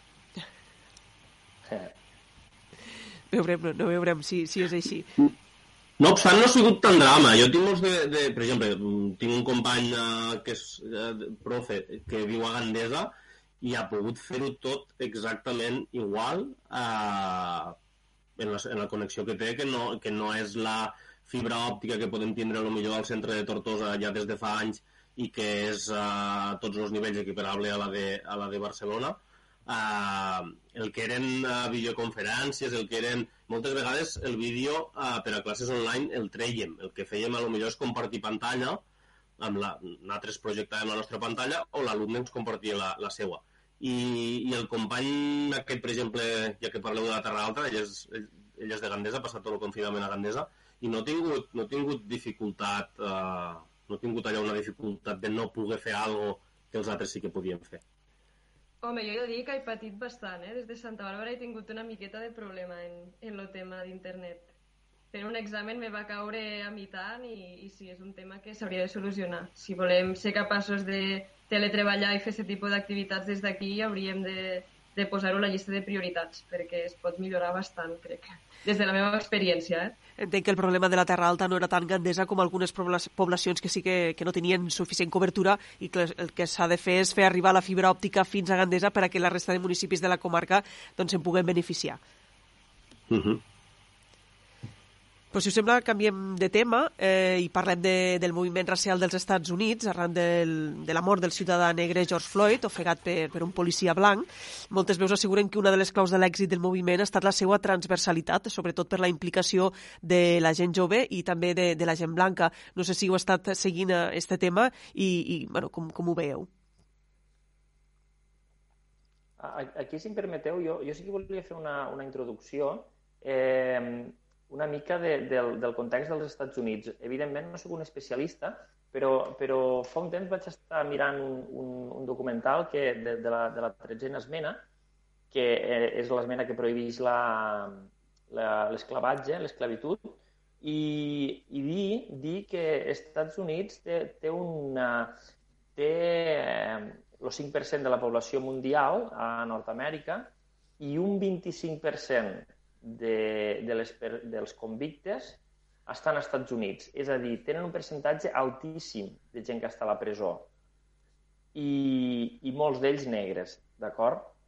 Eh, aleshores, mm, als Estats Units té, té, té este problema i, i jo crec que molts ne són sabedors i, i clar, i, uh, i quan, quan passen, bueno, quan, quan ja la societat ne té prou, pues, aleshores passen coses així, no? És a dir, eh, controlar, controlar la societat eh, a través del sistema penitenciari eh, és una manera d'aplicar la tercera, la tercera, la tretzena esmena, però com a través d'una escletxa.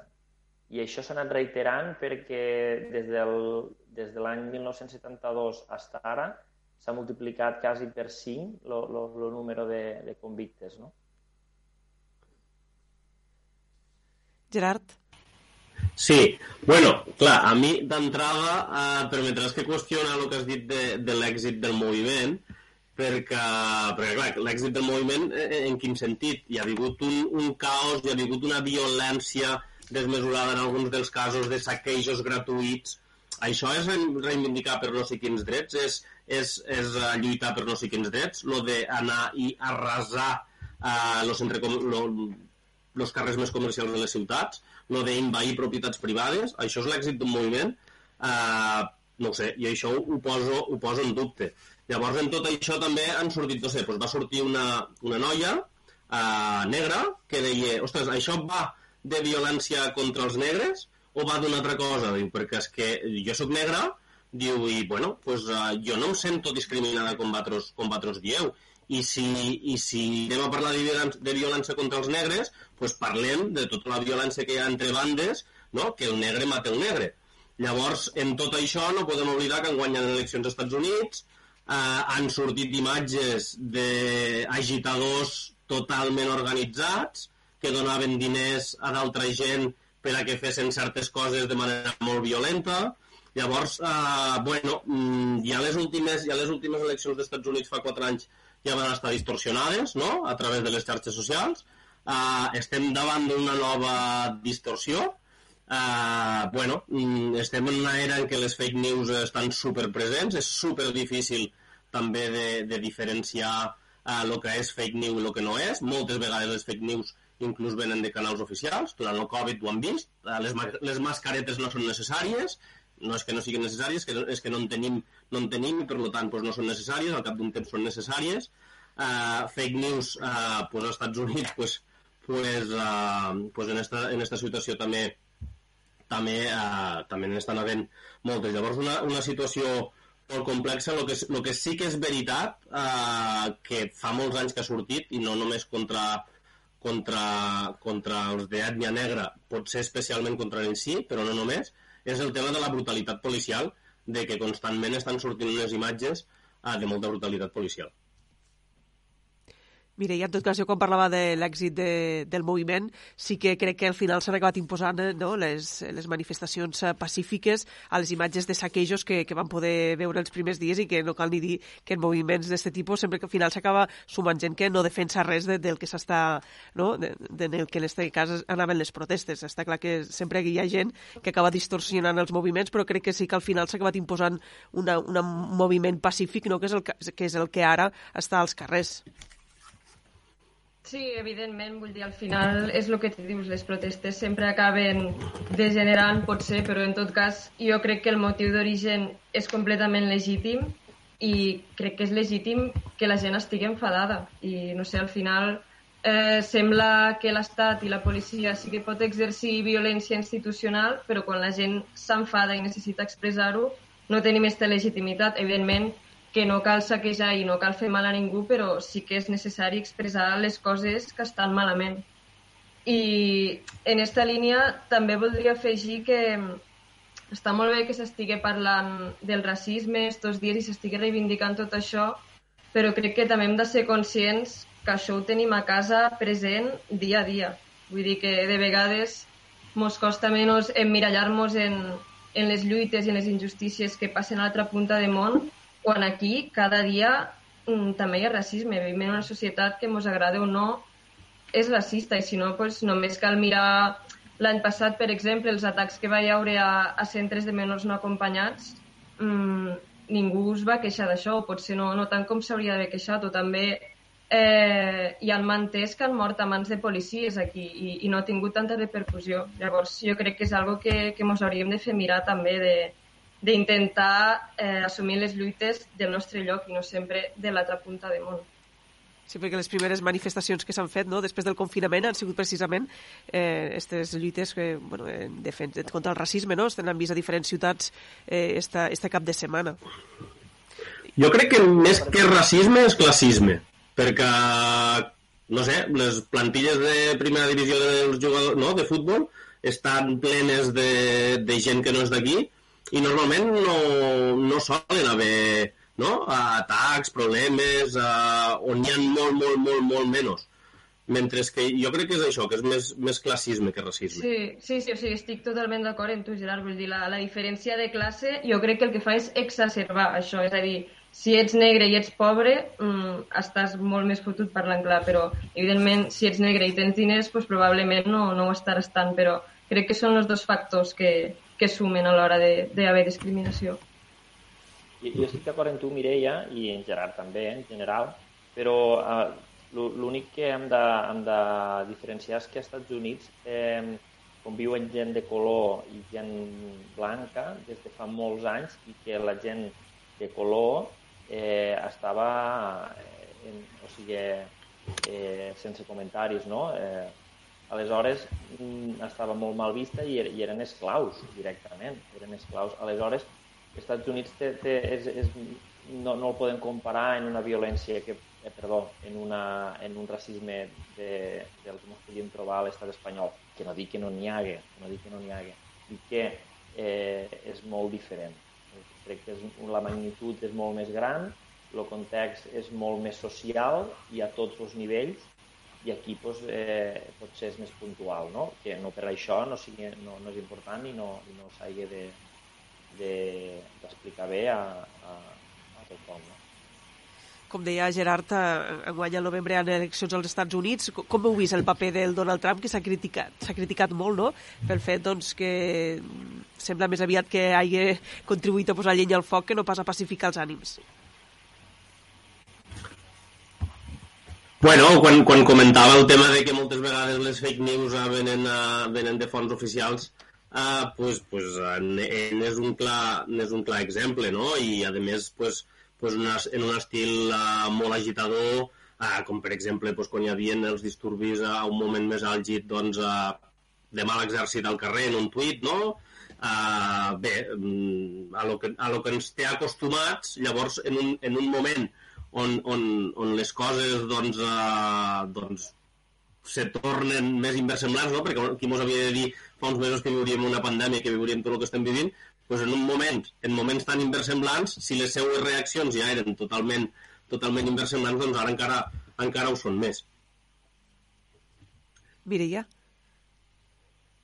Sí, sí, estic d'acord. Vull dir, a mi, pues, en veritat, tampoc me sorprèn gens l'actitud de Trump. Vull dir, crec que forma part del seu personatge i que al final aquesta mm, actitud provocativa és la que li acaba donant potser tants de vots i, i és preocupant, però potser és un reflex de, de com de malament està la societat americana, no, no ho sé. Esperem, espero que tingui pel seu bé, no, no pel bé d'Amèrica, pel seu bé que tingui uns assessors més bons, més bons que els que va tindre el nostre president del govern, Pedro Sánchez, que li va dir de repetir les eleccions. No? Però bueno, sí, sí, sí. Abans jo feia referència al fet de que la implicació de la gent jove, no, se n'ha parlat molt en, en este moviment racial. També, per exemple, tenim un, un cas similar en el tema del canvi climàtic, dels Fridays for Future, de la Greta Thunberg. No sé si veu que la gent jove està agafant, s'està empoderant no? i està agafant més protagonisme del que havia tingut fins ara, no? Sí, jo crec que sí que podem afirmar que està passant això en, en general. Mm. Potser també aquí està passant una mica, no sé fins a quin punt podem recordar les protestes que va hi haure a l'octubre, que també va hi haure molta presència de, de gent jove, ja és després debatible eh, fins a quin punt havien de ser tan violentes o no, però no es pot negar que la gent jove es va implicar en això, en, un, en una lluita social en general. Llavors, jo crec que, que sí, que en general els joves s'estan començant a implicar més al final perquè bueno, veuen que la situació que els ha tocat viure és una mica fomuda, parlant clar, i, i això, que, que han de començar a prendre la iniciativa i, i crec que és positiu. Eric? Sí, sí, sí. Eh, jo sempre eh, ho, ho parlo sobretot en un company i diem, diem que, que, que, clar, que la gent gran eh, és conservadora. I ja sé que no és el que estem parlant, però, però això es tradueix en, en la manera de votar, saps? La gent gran vota partits conservadors perquè quiere que no cambie nada, porque yo me voy a jubilar, ¿sabes? Y hasta las cosas ya están bien. I els joves eh, ho veiem d'una altra manera i els que són més joves que jo, evidentment, encara ho veuen d'una altra manera i són qui és, són el motor, és a dir, són qui volen canviar les coses, perquè els queda molt de temps, molta vida laboral i molta vida en general per a viure. I aleshores són ells qui exerceixen este, este, este canvi de rumb, perquè diuen això no funciona i, i, i, i, i, ho, i ho fan ja sigui al carrer o votant a partits eh, polítics eh, eh, mm, ja em la paraula eh, menys conservadors, eh, més progressistes. més progressistes. Clar, és que a Espanya aquesta paraula es costa. Eh, partits més progressistes, d'acord? I, I és això, no? La gent jove vota progrés, vota vull dir aposta. I la gent gran eh, aposta pel, pel, pel conservadorisme o per ser conservadors.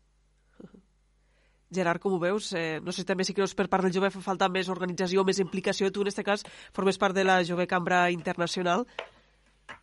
I, jo pel que fa al, al, al moviment Fridays for, Fridays for Future, eh, crec que és molt interessant pel, pel, des del punt de vista de que per primera vegada hi ha un problema eh, global, no? perquè el, el problema del canvi climàtic és un problema global, i per primera vegada la societat civil s'organitza a nivell global. Això abans no havia passat mai.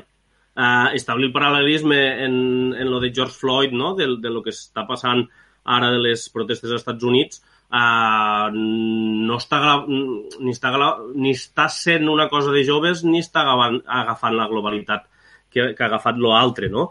Uh, pel, pel tema de Fridays for, Fridays for Future i, i canvi climàtic, uh, sí, des de, des de Jove Cambra, uh, nosaltres, de fet, havíem, havíem a l'abril, precisament, anàvem a fer un, un, un projecte molt xulo que es diu uh, uh, Bike to School, uh, que era doncs, uh, fomentar la bicicleta com a eina de mobilitat urbana. És a dir, Uh, més del 50% dels desplaçaments que acabem fent acaben sent de menys de 5 quilòmetres. En aquest escenari, la bicicleta, eh, i urbans, i en aquest escenari la bicicleta guanya claríssimament inclús a, inclús a temps de desplaçament a, al cotxe, no? Llavors, doncs això, el to School era fomentar que tots els membres de la comunitat educativa anessin, anessin a fer servir la bici pues, per anar, per anar a l'escola, a l'institut, a, a la universitat, no?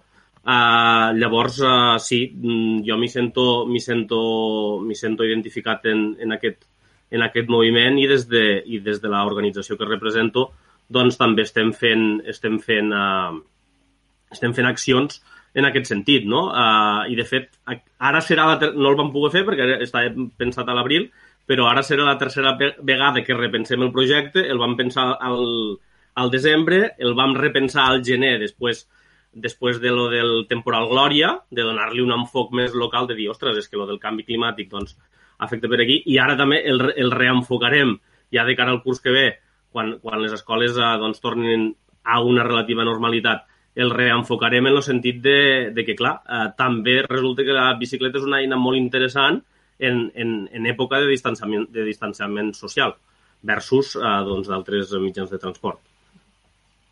Creus que, que, que pot ser una oportunitat per a generalitzar, per exemple, l'ús de, del transport com la bicicleta, eh, la, la situació que hem viscut eh, fins ara amb el conflicte? Bueno, a nivell, a nivell global, eh, ciutats més grans o ciutats més petites eh, han prioritzat, eh, han prioritzat tant no només bici, no? però, però l'espai al, al peató sense, ve sense un vehicle eh, gran, no? és a dir, eh, pues, més espai per a que la gent pogués caminar, més espai per a que la gent pogués anar en bici, perquè és que si ens ho parem a pensar, mirem un carrer i dius, ostres, resulta que hi ha un d'espai enorme per als cotxes i resulta que després estem allí els, els peatons o, i les bicis a molts llocs no hi ha, no hi ha ni lloc, no?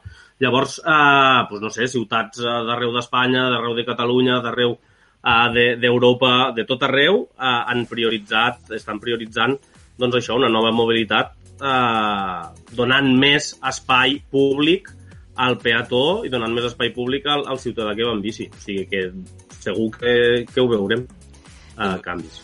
Doncs bé, parlant de bicicletes i de la mobilitat en bicicleta, arribem al final de la tertúlia d'avui. Moltes gràcies a Eric Bell, Mireia Ibáñez i Gerard Vidal. Moltes gràcies als tres per ser avui a la tertúlia de l'Aldia Terres de l'Ebre. Molt bé, moltes gràcies. Gràcies. Fins a la pròxima. Adeu. Gràcies per convidar-nos.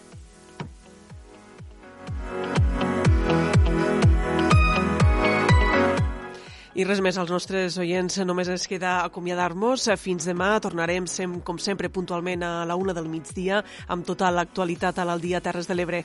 Res més, fins demà, que siguin molt feliços.